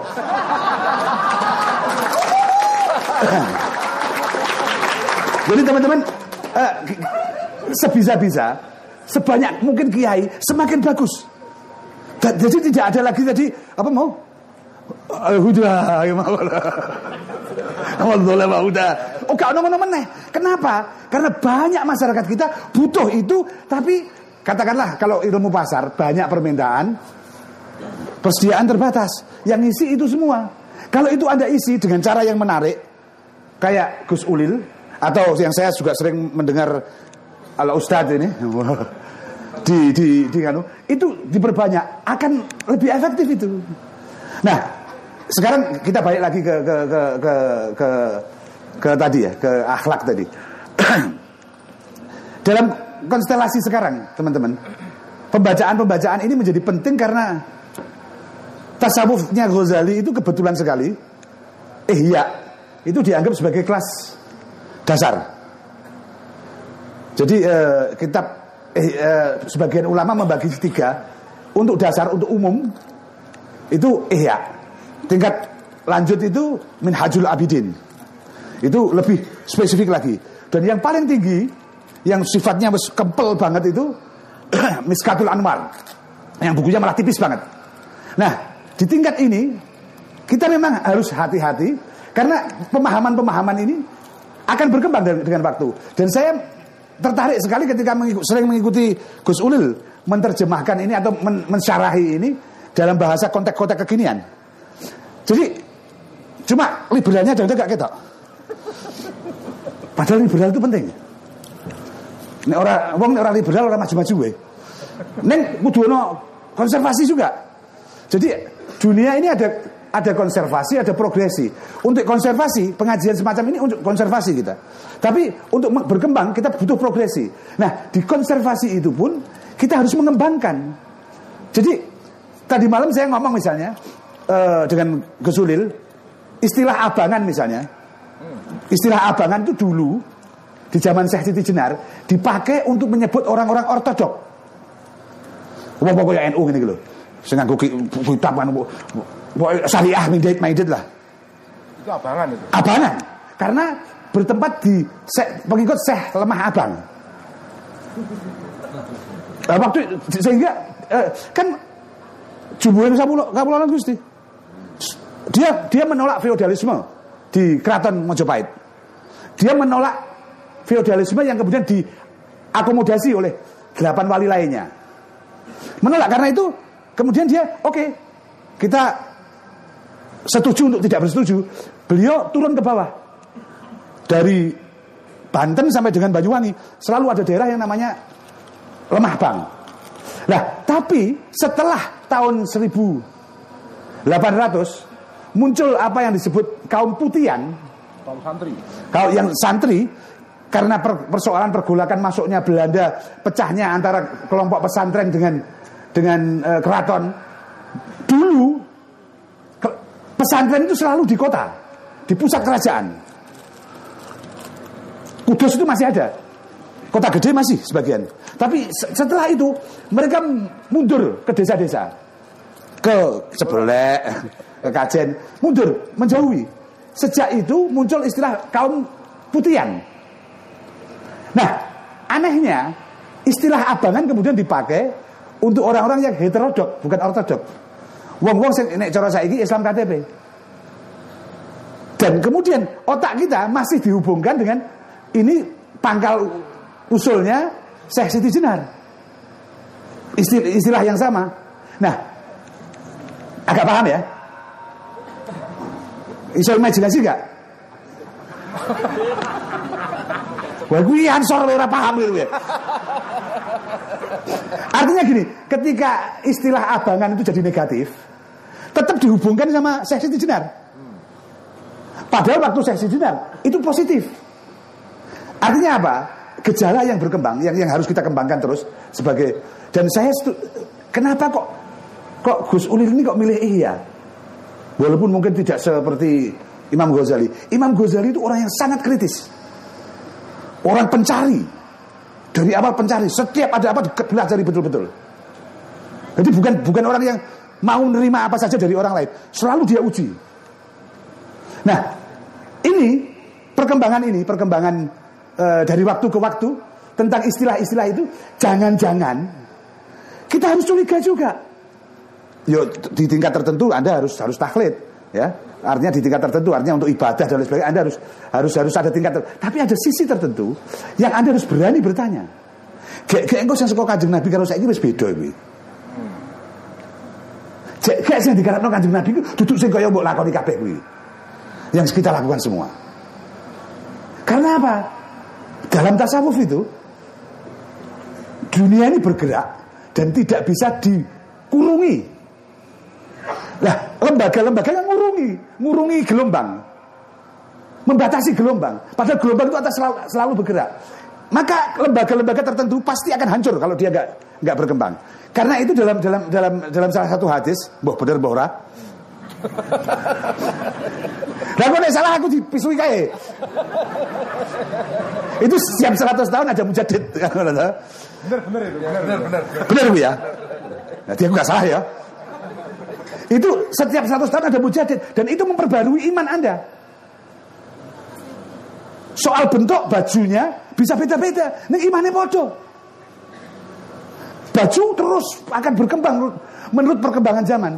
Tahun 80-an itu saya pernah tidak sengaja berdebat dengan Buya Syafi'i di Tempo soal il, agama dan ilmu pengetahuan.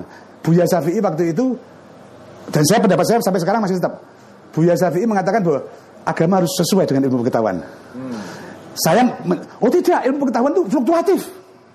Harus ada cara bagaimana ini diakomodasi tanpa memben- me- me- mengabadikan yang ini karena ini sifatnya eh, relatif. Jadi pemahaman kita terhadap agama itu selalu fluktuatif. Pemahaman kita pada Ghazali itu baru berhasil kalau Anda seperti anak panah meloncat ke depan lewat dari kitab Ihya. Kalau masih di sini, iku kaya wong tengok-tengok ning gone seperti orang diam di bawah tanda eh, tanda apa namanya? Penanda di jalan itu Semarang 75 kilo. Gue tengok-tengok ning kono wis ora bakal tekan Semarang kok. Jadi kemampuan kita beragama itu sebenarnya tadi disinggung sedikit saya tertarik betul oleh Gus Ulil. Kenapa dulu kiai-kiai itu matang semua? Karena dia dengan kitab sedikit dan itu diungkapkan oleh Imam Ghazali. Kitab sedikit dia hayati, dia laksanakan. Saiki nek cara iki mbok bener mbok ya. Engko nek salah nek benekno ya. Jadi nek masuk masjid itu masuk itu dari pintu yang bermacam-macam. Apa itu? Nah, iki saiki pintunya macam-macam pintu ilmu itu. Dan kita hanya masuk keluar pintu terus. Ora tahu tekan omai.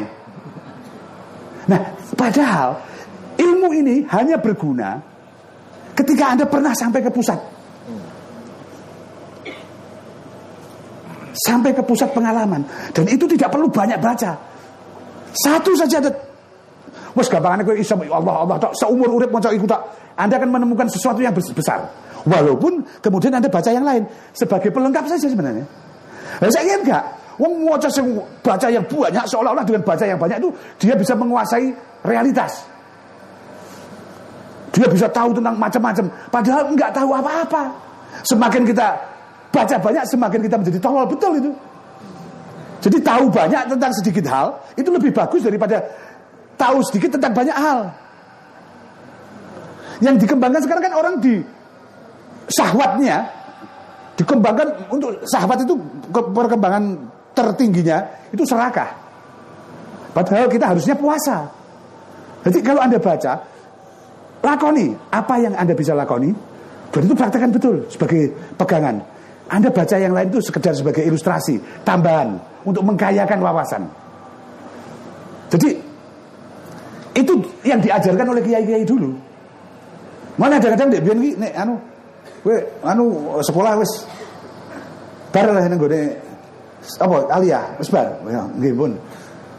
Wis tamat pun kawin. Dia dalam langsung praktekkan dalam kehidupan. Jadi KW itu praktek gitu ya. Praktek. Lah kowe saiki maca buku-buku sing ngono kuwi gak mbok praktekno, ndasmu pecah kowe.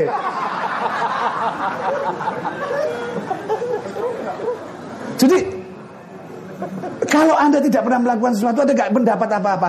Agama itu pada akhirnya, huluk, huluk itu pada akhirnya tindakan memang dan menetap.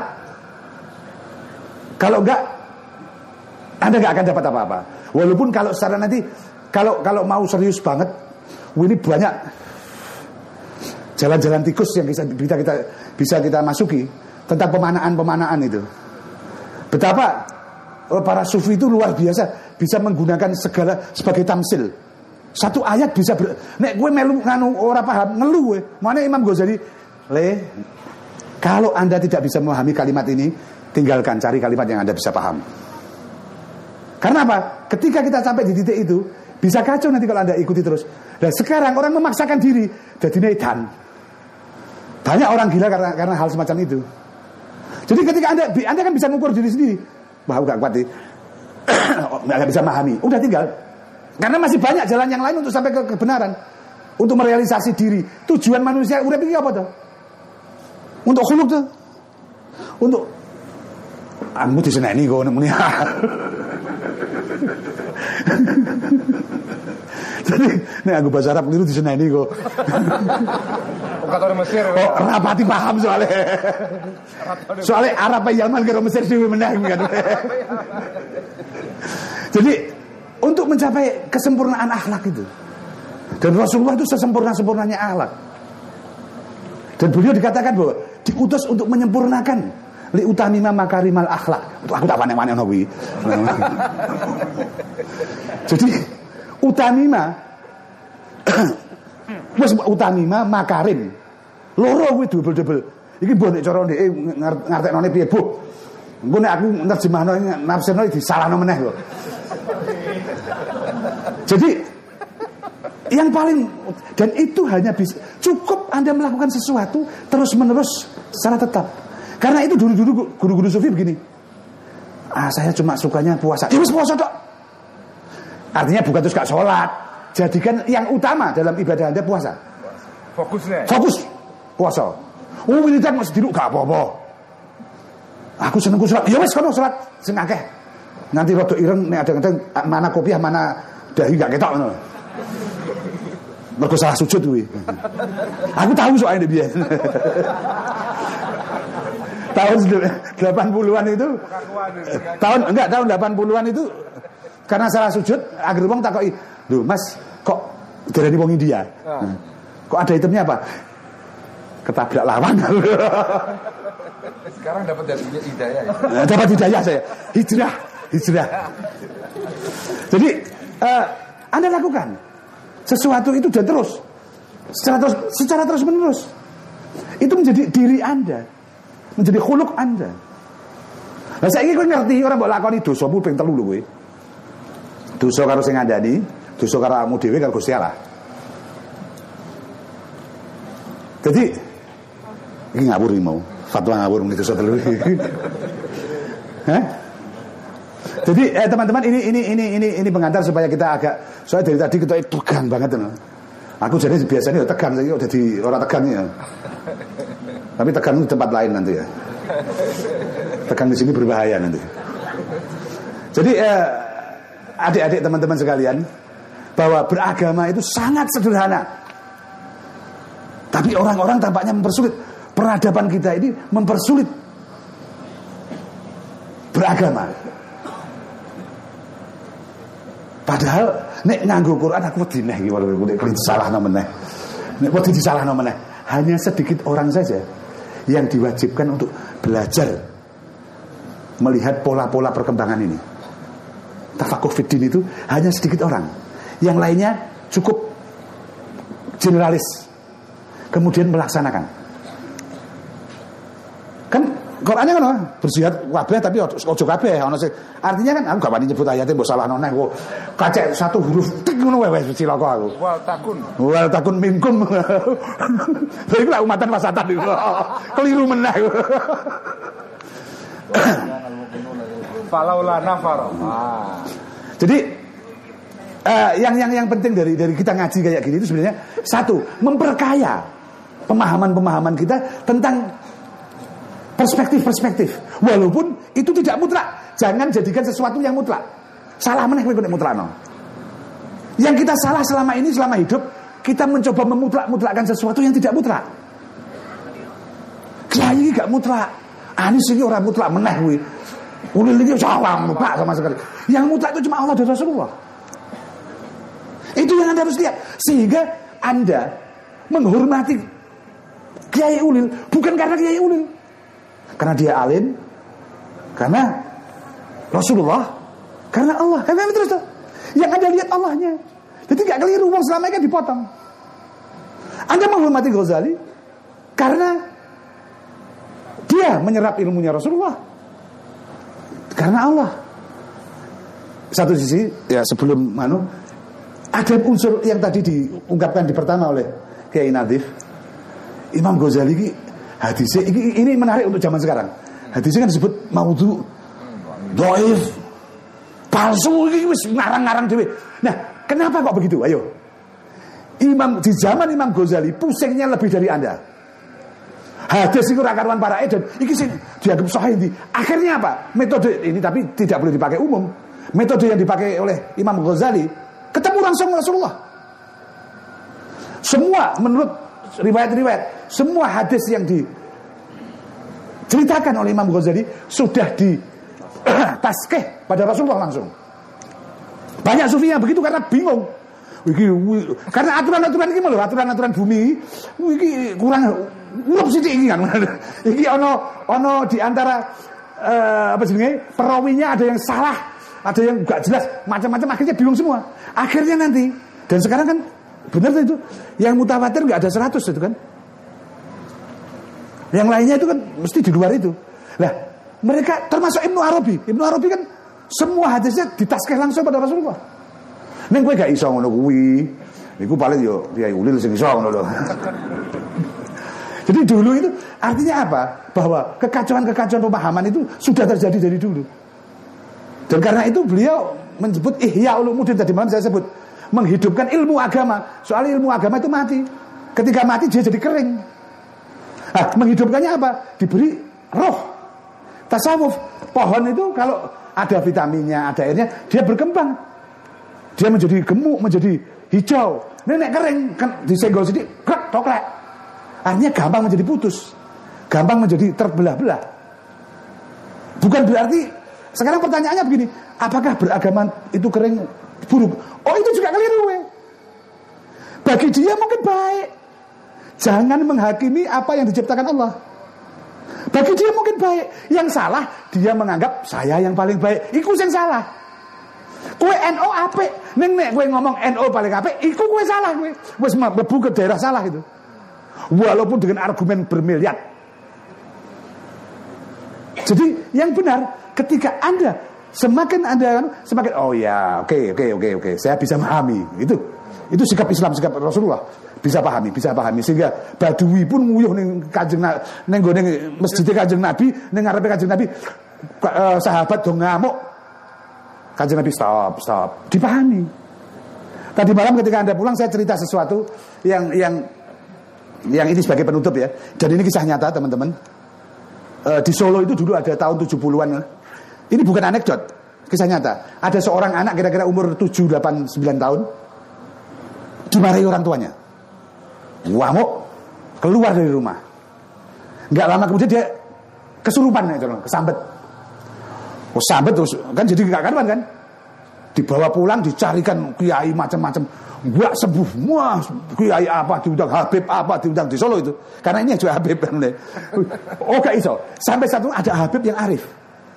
Datang ke situ ditanya anak itu.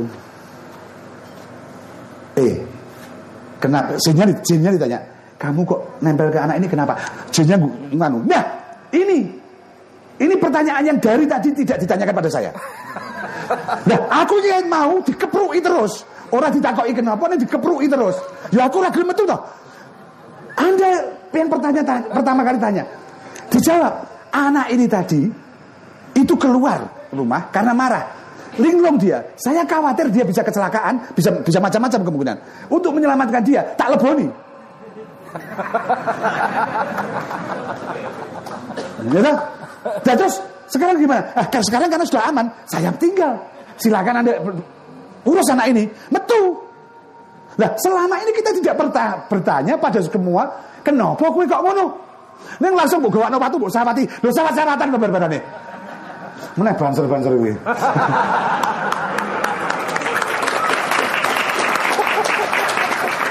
Nah, udah perang tenang.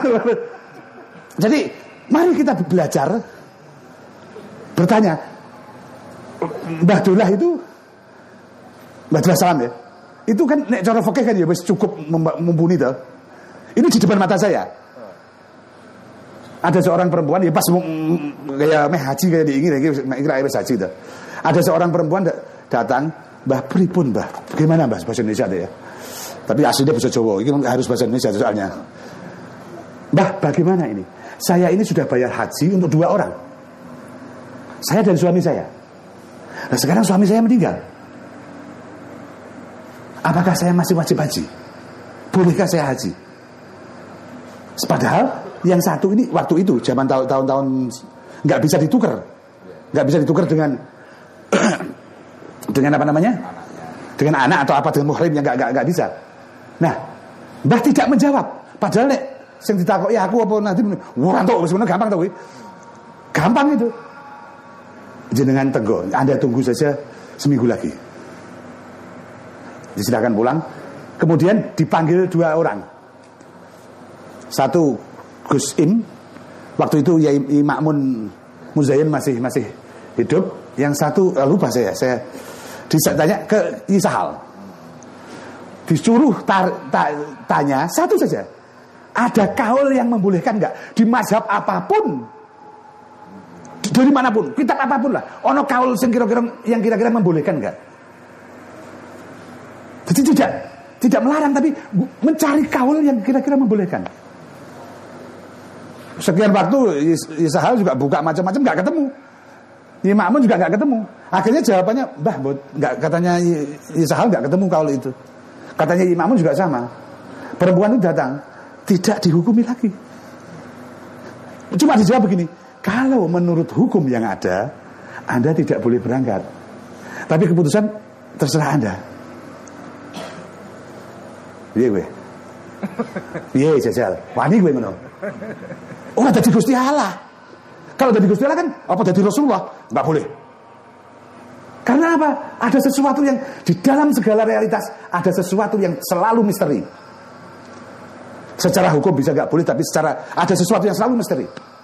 Dan kita kan selalu mengejar hukum tok, aku lihat tok we. Aku mau kholaknya. Bukan huluknya. Yang kulit tok, depan tok. Ning nek kesuwen aku cilaka. Kalau aku wis rada anget. Ben kaya wong NU, wallahu muwafiq ala aqwamit thariq. Wassalamualaikum warahmatullahi wabarakatuh.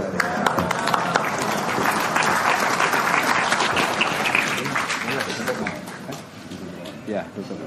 Atau saya panggil sedikit. Eh, sebelum ditutup oleh Kiai Nadif, eh, saya mau apa juga mengajak para hadirin dan hadirat membaca Fatihah pertama untuk ipar saya, adik ipar saya Kiai Liwa yang sekarang lagi wukuf di Arafah, ini sekarang sudah ada di Arafah. Kemudian juga kita hadiahkan Fatihah sekali lagi kepada para eh, warga di Lombok dan sekitarnya yang sekarang ini juga sedang terkena musibah. Semoga musibah mereka segera diringankan oleh Allah Subhanahu wa taala dan kita semua dihindarkan dari musibah apa pun bentuknya, baik musibah yang zahirah maupun yang batinah. Ala hadiniyah wa kulli niyatin salihah al-fatihah.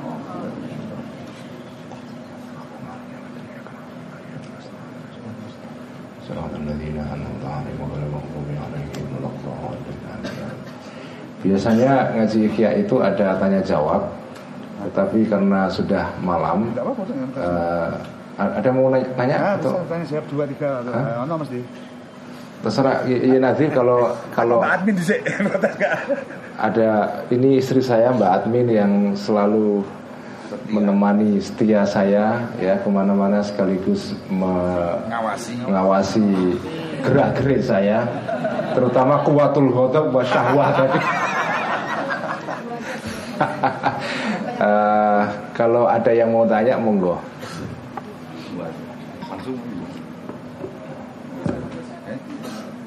monggo monggo Kiai Jamal monggo Monggo, Pak. Janjine sing nom namanya saya, tiba enggak ada.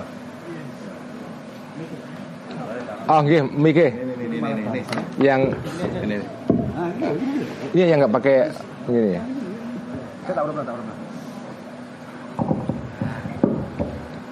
Loh, eh, eh, nang kene pengen nganggo iki lho. Terima kasih eh, waktu yang sangat mepet. Saya ini nagih dengan Mas Ulil. Nagih pada pertemuan yang tadi saya sampaikan di dulu ketika mengkaji tentang tasawuf kajen. Saya ingin mendapat pencerahan dari Mas Ulil bagaimana membaca peta tasawuf yang ada di kajen. Hmm. Apakah dimulai dari Mbah Mutamakin, kemudian kemudian ke Mbah Dola, ke Kiai Duri Nawawi, Kiai Nafik dan lain-lain. Rois Suriah kita Mbah Handik yang kebetulan ini nggak rawuh di banyak kesempatan beliau beliau selalu mendikan man tafaqoha bila tasawufin itu kan tafassaqo wa man tasawwafa bila tafaqquhin tazandaqa. Jadi ini beliau sering menyampaikan dan saya kira eh, Mas Ulil eh, dengan berbagai background keilmuan yang panjang dari barat maupun dari timur itu saya kira akan bisa memberikan pencerahan kepada kita santri-santri yang ada di kajian ini bagaimana kita membaca peta tasawuf yang ada di kajian apakah tasawuf sunni apakah tasawuf falsafi? Kemudian kontroversi yang tadi coba di apa namanya di introdusir bahasanya Kiai Sahal oleh Bib Anis tentang uh, wahdatul wujud. Mohon maaf wahdatul wujud. Ini kan kontroversi yang yang ada pada uh, Mbah Mutamakin. Jadi mohon Mas Ulin memberikan pencerahan uh, sisa waktunya lima menit ya lima menit. Kalau sisa waktunya setengah jam ya bisa setengah jam. Terima kasih saya kira Bib Anis nanti bisa menambah karena beliau dengan Mbah Dula begitu lama uh, mungkin sampai 11 tahun jadi mungkin tahu uh, saya kira ulama-ulama kajian adalah orang yang di sisi lain uh, dalam ilmu fikihnya tapi di sisi lain juga luar biasa. Penghayatan tasawufnya mungkin dalam bahasa Al-Quran ya wa yuzakihim baru wa yu'allimuhum uh, ada tazkiyatun nafsi dulu ada ta'lim ada ta'lim al-ulum saya kira itu terima kasih Assalamualaikum warahmatullahi wabarakatuh Waalaikumsalam. Terima kasih Kiai Jamal Makmur Asmani, Dokter. doktor akademis ini. Kalau ini non akademis, ya kan. kurang jelas tapi mendalam. Ini ya Anis ini. kurang jelas nih mendalam. Itu itu saya kira apa ya deskripsi yang pas buat Pip Anis itu. Kurang jelas nih jeru. Kurang jelas. Eh, memang kitab Ihya ini Bapak dan Ibu sekalian saudara-saudara ya ini kitab tasawuf ya. Tetapi tasawuf kitab Ihya ini tasawuf yang di dalam istilah para ulama atau sarjana itu disebut dengan tasawuf amali. Jadi ada dua jenis tasawuf ya. Ada tasawuf yang disebut dengan amali, ada yang disebut dengan tasawuf itu falsafi. Tasawuf yang amali ya, tasawuf yang bersifat praktek, amal atau sulugi bisa juga disebut begitu. Itu tasawuf yang orientasinya, tujuannya adalah mengajarkan orang Islam untuk ya beramal sesuai dengan tuntunan agama tetapi amal ini bukan amal yang sekedar dikerjakan sesuai dengan aturan fikih. Saya suka menggunakan istilah fikih ini bukan fikih ya. Karena ketularan kisah hal. Kisah hal dulu kalau mengucapkan kata fikih itu fikih ya. Ejaannya F E K I H fikih. Nah, itu itu itu pengucapan Kiai Sahal Nusantara itu fikih ya. Jadi yang disebut dengan tasawuf amali itu orang menjalankan perintah agama tapi tidak sekedar sesuai dengan aturan fikih. Wudhu misalnya itu tidak sekedar mengikuti aturan-aturan fikih. Kalau itu tok, nah itu namanya tadi yang disebut oleh Bib Anis itu adalah agama yang kering. Makanya Imam Ghazali nulis kitab Ihya ini sebetulnya itu memang ingin menghidupkan amalan-amalan agama ini dengan diberikan sentuhan-sentuhan yang sifatnya itu tasawuf. Jadi orang berwudu, sholat itu apa sih sebetulnya? Sejatinya itu apa? Selain soal apa takbiratul ikhram, ruko, sujud, iktidal, tasyahud segala macam itu. Tapi di balik itu atau ada apa? Ada makna apa? Wudu itu maknanya apa? Sholat karena itu di dalam kitab Ihya dalam jilid yang pertama Imam Ghazali membahas sholat selain aturan-aturan fikih ya, tapi beliau juga membahas mengenai asrorus sholat, rahasia-rahasia sholat. Nah, rahasia sholat itu tidak ada batasnya. Rahasia puasa itu nggak ada batasnya. Rahasia semua ibadah dalam Islam itu rahasianya itu tanpa tepi. Karena apa? Karena masing-masing orang itu bisa menemukan rahasia itu sesuai dengan makomnya masing-masing. Itu yang di dalam istilah tasawuf disebut dengan al-ahwal wal makomat. Semua orang itu punya makom, punya kelas ya. Kita semua di sini punya kelas ya. Cuma ini kelas bukan kelas seperti di madrasah, ada rapotnya, ada ujiannya, ada akhir tahun, ada awal. Tidak begitu. Tapi ini makom yang sifatnya makom batin Yang tahu hanya orang bersangkutan dan Gusti Allah Nah setiap makom itu ada ahwalnya Ada pengalamannya. Nah pengalaman itulah yang menimbulkan rahasia Orang yang melakukan salat Itu semua kelihatannya di permukaan sama. Asal mengikuti aturan fikih ya. Semua sama. Ya sholat maghrib itu seluruh dunia tiga rakaat. Ada empat rakaat tapi lupa itu. Harus pakai sujud sahwi. Ya tapi itu perkecualian semua orang di seluruh dunia orang Islam itu sholat maghrib itu tiga rakaat. Sholat subuh itu dua rakaat. Dari segi permukaannya orang sholat itu sama. Tetapi asrornya itu beda. Ahwalnya pengalamannya itu beda. Pengalaman satu orang dengan orang yang lain itu beda. Bahkan pengalaman orang yang sama dalam waktu yang berbeda itu juga beda. Sholat subuh hari ini dengan sholat subuh hari berikutnya itu beda lagi pengalamannya. Apalagi sholat subuh pra pilpres dengan pasca pilpres itu lain maknanya itu. Iya Gus. Nah, bisa lain itu. Kalau di Jakarta ini, kalau di sini nggak ada. Di Jakarta itu sholat subuh sekarang menjadi maknanya politis, ya, menjadi ajang untuk mobilisasi politik. Makanya sholat subuh pada saat pilkada itu ahwalnya bisa beda dengan sholat subuh di luar pilkada. Jadi beda.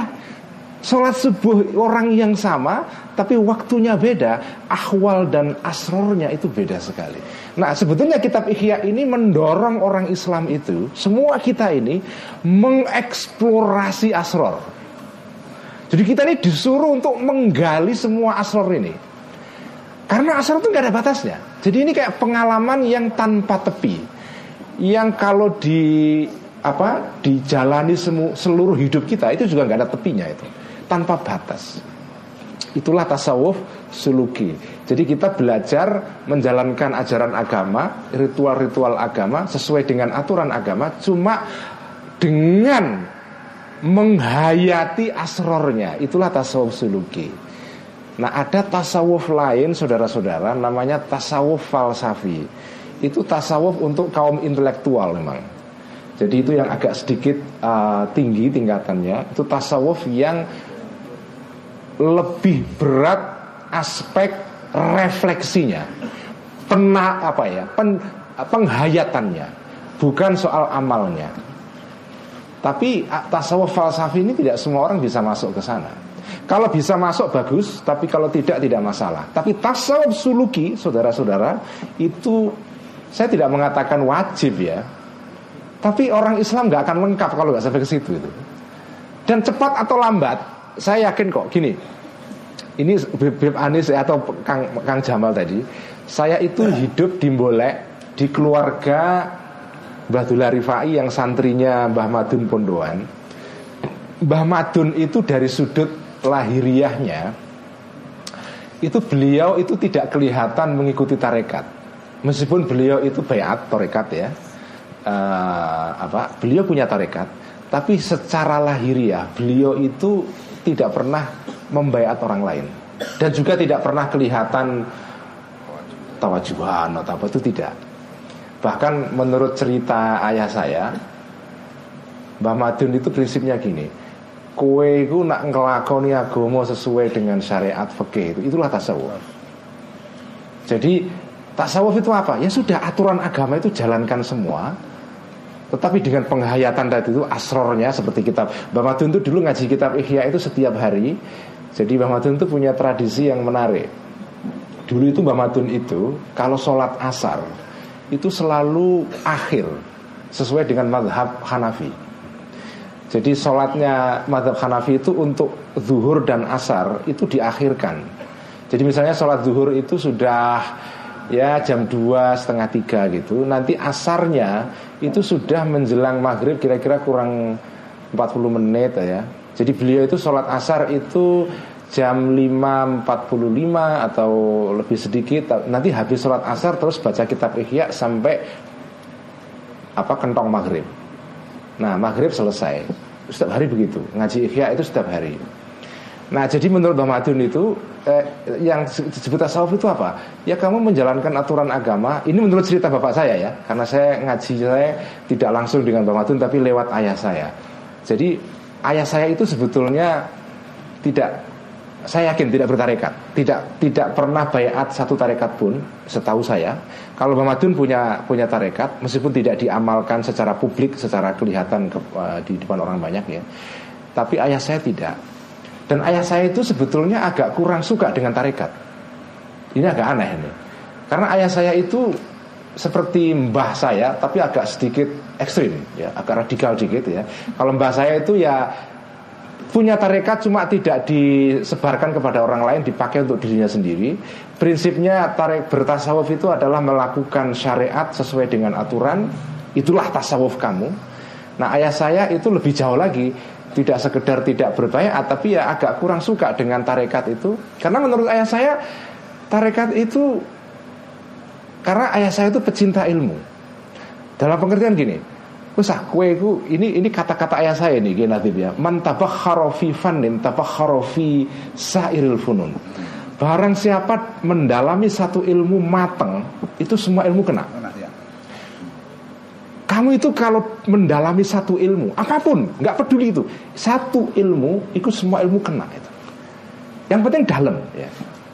Makanya ayah saya itu sudah ilmu aja, ilmu didalami diamalkan itu kira-kira tasawufnya seperti itu. Jadi di kajian ini sebetulnya ada dua mazhab sebetulnya. Ada mazhab tasawuf yang formal ya. Seperti Mbah Dullah Salam, Mbah Duri uh, apa Kiai Nafe ya. Setelah Mbah Dullah Salam tidak ada Mbah Nafe sekarang Ghazaki ya. Tapi ada madhab kiai-kiai yang memang tidak bertasawuf secara formal.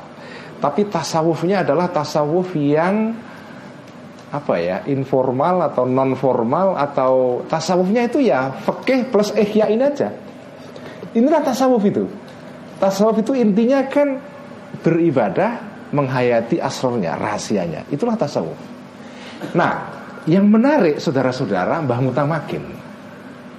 Saya tidak mendalami secara mendalam sekali Mbah Mutamakin. Saya hanya baca serat cebolek dongeng-dongeng atau kisah-kisah Mbah Mutamakin di kajian sini studi mengenai Mbah Mutamakin yang dilakukan oleh beberapa sarjana termasuk Mas Milal Bizawi yang dari kajian putranya Ki Muhibbi Salafiyah ya. Uh, berdasarkan beberapa pembacaan saya itu menariknya Mbah Mutamakin itu menurut kisah sebetulnya beliau ini adalah pengikut tasawuf wahdatul wujud Beliau itu mengikuti itu. Saya nggak tahu apakah Ibnu Arabi atau yang lain, tetapi beliau itu beliau menulis risalah pendek ya, yang itu juga dibahas oleh Mas Milal. Uh, tapi tapi Mbah Mutamakin itu konon katanya mengikuti tasawuf wahdatul wujud. Apa itu wahdatul wujud? Wahdatul wujud itu intinya adalah itu falsafah, itu filosofi apa? Cara pandang tentang kehidupan. Jadi menurut tasawuf ini wahdatul wujud itu ini makin malam makin apa pembahasannya makin mengerikan ini. Uh, tapi tidak apa-apa, makin bagus kan? Makin malam makin dalam.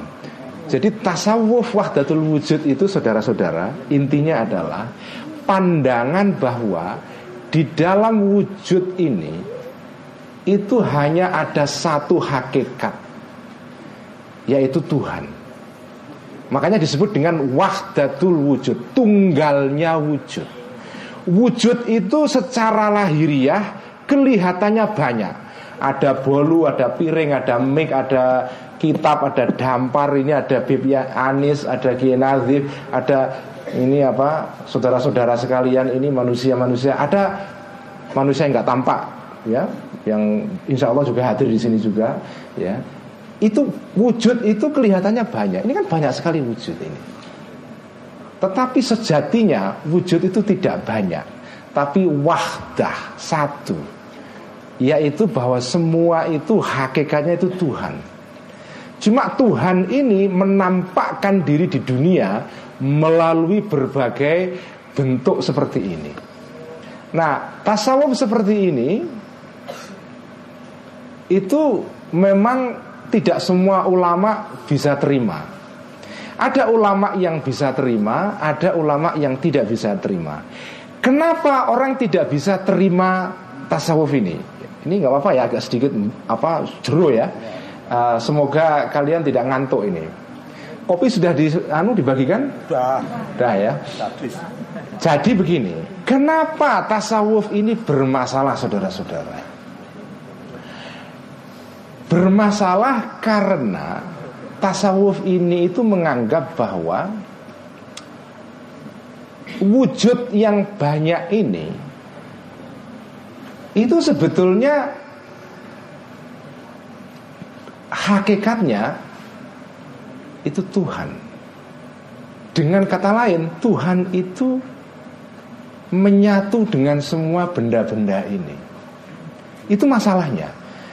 Padahal Nah ini menurut akidah Ash'ariyah yang dipegangi oleh sebagian orang Islam Akidah kita itu kan Tuhan itu laisa kamithlihi syai'un. Tuhan itu tidak ada kembarannya. Nah ini kok tasawuf ini, falsafah ini mengatakan Tuhan itu hadir di Jadi ya ini yang kita lihat ini sebetulnya ini hakikatnya itu Tuhan semua Nah ini memang menimbulkan perdebatan. Sebagian ulama mengatakan ya nggak bisa. Ini kalau mengatakan wujud itu tunggal Tuhan itu menampakkan diri di dalam semua hal ini berarti itu sama dengan menyamakan Tuhan dengan barang-barang ini. Karena itu tasawuf ini dari dulu itu menjadi bermasalah. Nah menariknya Mbah Mutamakin Meskipun saya masih belum menemukan datanya Karena risalah yang dikaji Yang kon katanya karangannya Mbah Mutamakin itu Pertama itu risalah itu um, rumit. Terus terang saya pernah baca risalahnya itu rumit Maknanya tidak mudah difahami. Tetapi memang ada indikasi Mbah Mutamakin Kalau betul ini risalahnya yang tulisan beliau ya konon memang mengarah kepada ajaran tentang wahdatul wujud. Dan termasuk kan ada salah satu kisah yang disukai Mbah Mutamakin katanya kisah kisah tentang dalam pewayangan Bima Ruji apa? Dewa Ruji ya. Kisah Bima itu. Nah, memang Mbah Mutamakin ini kisahnya adalah beliau mengikuti atau mungkin termasuk fan penyuka tasawuf ini dan karena itu beliau kemudian pernah diadili oleh keraton Kartosuro di Solo karena dianggap beliau mengikuti pandangan yang dianggap heterodoks atau menyimpang ini ya. Nah, tetapi tasawuf wahdatul wujud ini tidak ada di kajen. Ini ini ini big question saya ini. Kalau Mbah Mutamakin dulu mengikuti tasawuf ini, kok tidak ada satupun cucu-cucunya mewarisi ini. Gimana nanti ini? Padahal konon katanya semua kiai di kajian ini Konon ya Ya saya bukan konon, ya, saya sih yakin ya Semua kiai kajian ini adalah turunannya Mbah Mutamakin. Ya, Semuanya. Ya. termasuk saya wala fakhro apa? Ya eh, saya juga turun yang Agen orang yang ketujuh ya. Kiai juga sama. Nah tapi tasawuf wahdatul wujud ini kok tidak ada di kajen kajen ini tasawufnya tarekatnya itu tasawuf sunni yang yang yang moderat. Tapi tidak ada tasawuf falsafi yang mengarah kepada wahdatul wujud. Sekarang pertanyaannya ke mana ilmu ini itu? Ya. ini ke mana ilmu ini itu? Apakah anggapan bahwa Mbah Mutamakin dulu mengikuti tasawuf wahdatul wujud ini tidak benar? Karena kalau ya kenapa kok tidak ada yang meneruskan sekarang? Apakah ada keterputusan ya antara Mbah Mutamakin dengan cucu-cucunya ini Atau pembelokan. atau pembelokan atau bagaimana kita nggak tahu karena memang jaraknya jauh antara generasi kiai-kiai kajen sekarang dengan Mbah Mutamakin dulu itu jauh sekali. Nah, di antara ini itu ada apa? Ini kita juga masih misterius itu. Kenapa kok kalau benar Mbah Mutamakin dulu itu pengikut misalnya Ibnu Arabi, kenapa kok tidak ada kiai kajen misalnya? Setahu saya, setahu saya kiai kajen yang koleksi kitab Al-Futuhatul Makkiyah karangan Ibnu Arabi itu hanya satu saja, setahu saya yaitu Mbah Sahal. Karena saya pernah bongkar-bongkar perpustakaan beliau. Sama satu lagi, ini yang saya saksikan langsung, Mbah saya, Mbah Muhammadun Pondoan itu punya kitab Al-Futuhatul Makkiyah. Tetapi beliau tidak pernah mengajarkan itu ke santrinya. Nggak pernah. Karena ini kita kalau diajarkan bisa menggoncangkan dunia persilatan ini, bisa geger, karena memang bahaya. Nah, tapi Mbah Madun itu baca. Tapi Mbah Madun tidak secara zahir membayat orang lain untuk tarekat. Jadi beliau bertarekat tapi tidak mengajarkan tarekat kepada orang lain. Jadi agak rumit ini kajian ini, menarik ya. Jadi uh, tarekatnya ada dua madhab tadi itu saya sebut ada ada yang tarekatnya formal, ada yang tarekatnya itu tadi itu prinsipnya prinsipnya seperti prinsipnya Kiai Syekh Zakaria Al-Ansori itu ya dalam apa namanya kitab Kifayatul Adqiya ya ya yang intinya kan tadi itu seperti jenengan sebutkan man tafaqqaha wa lam yatasawwafa faqad tafassaqa. Barang siapa fikih tok tidak menggunakan tasawuf saya memaknai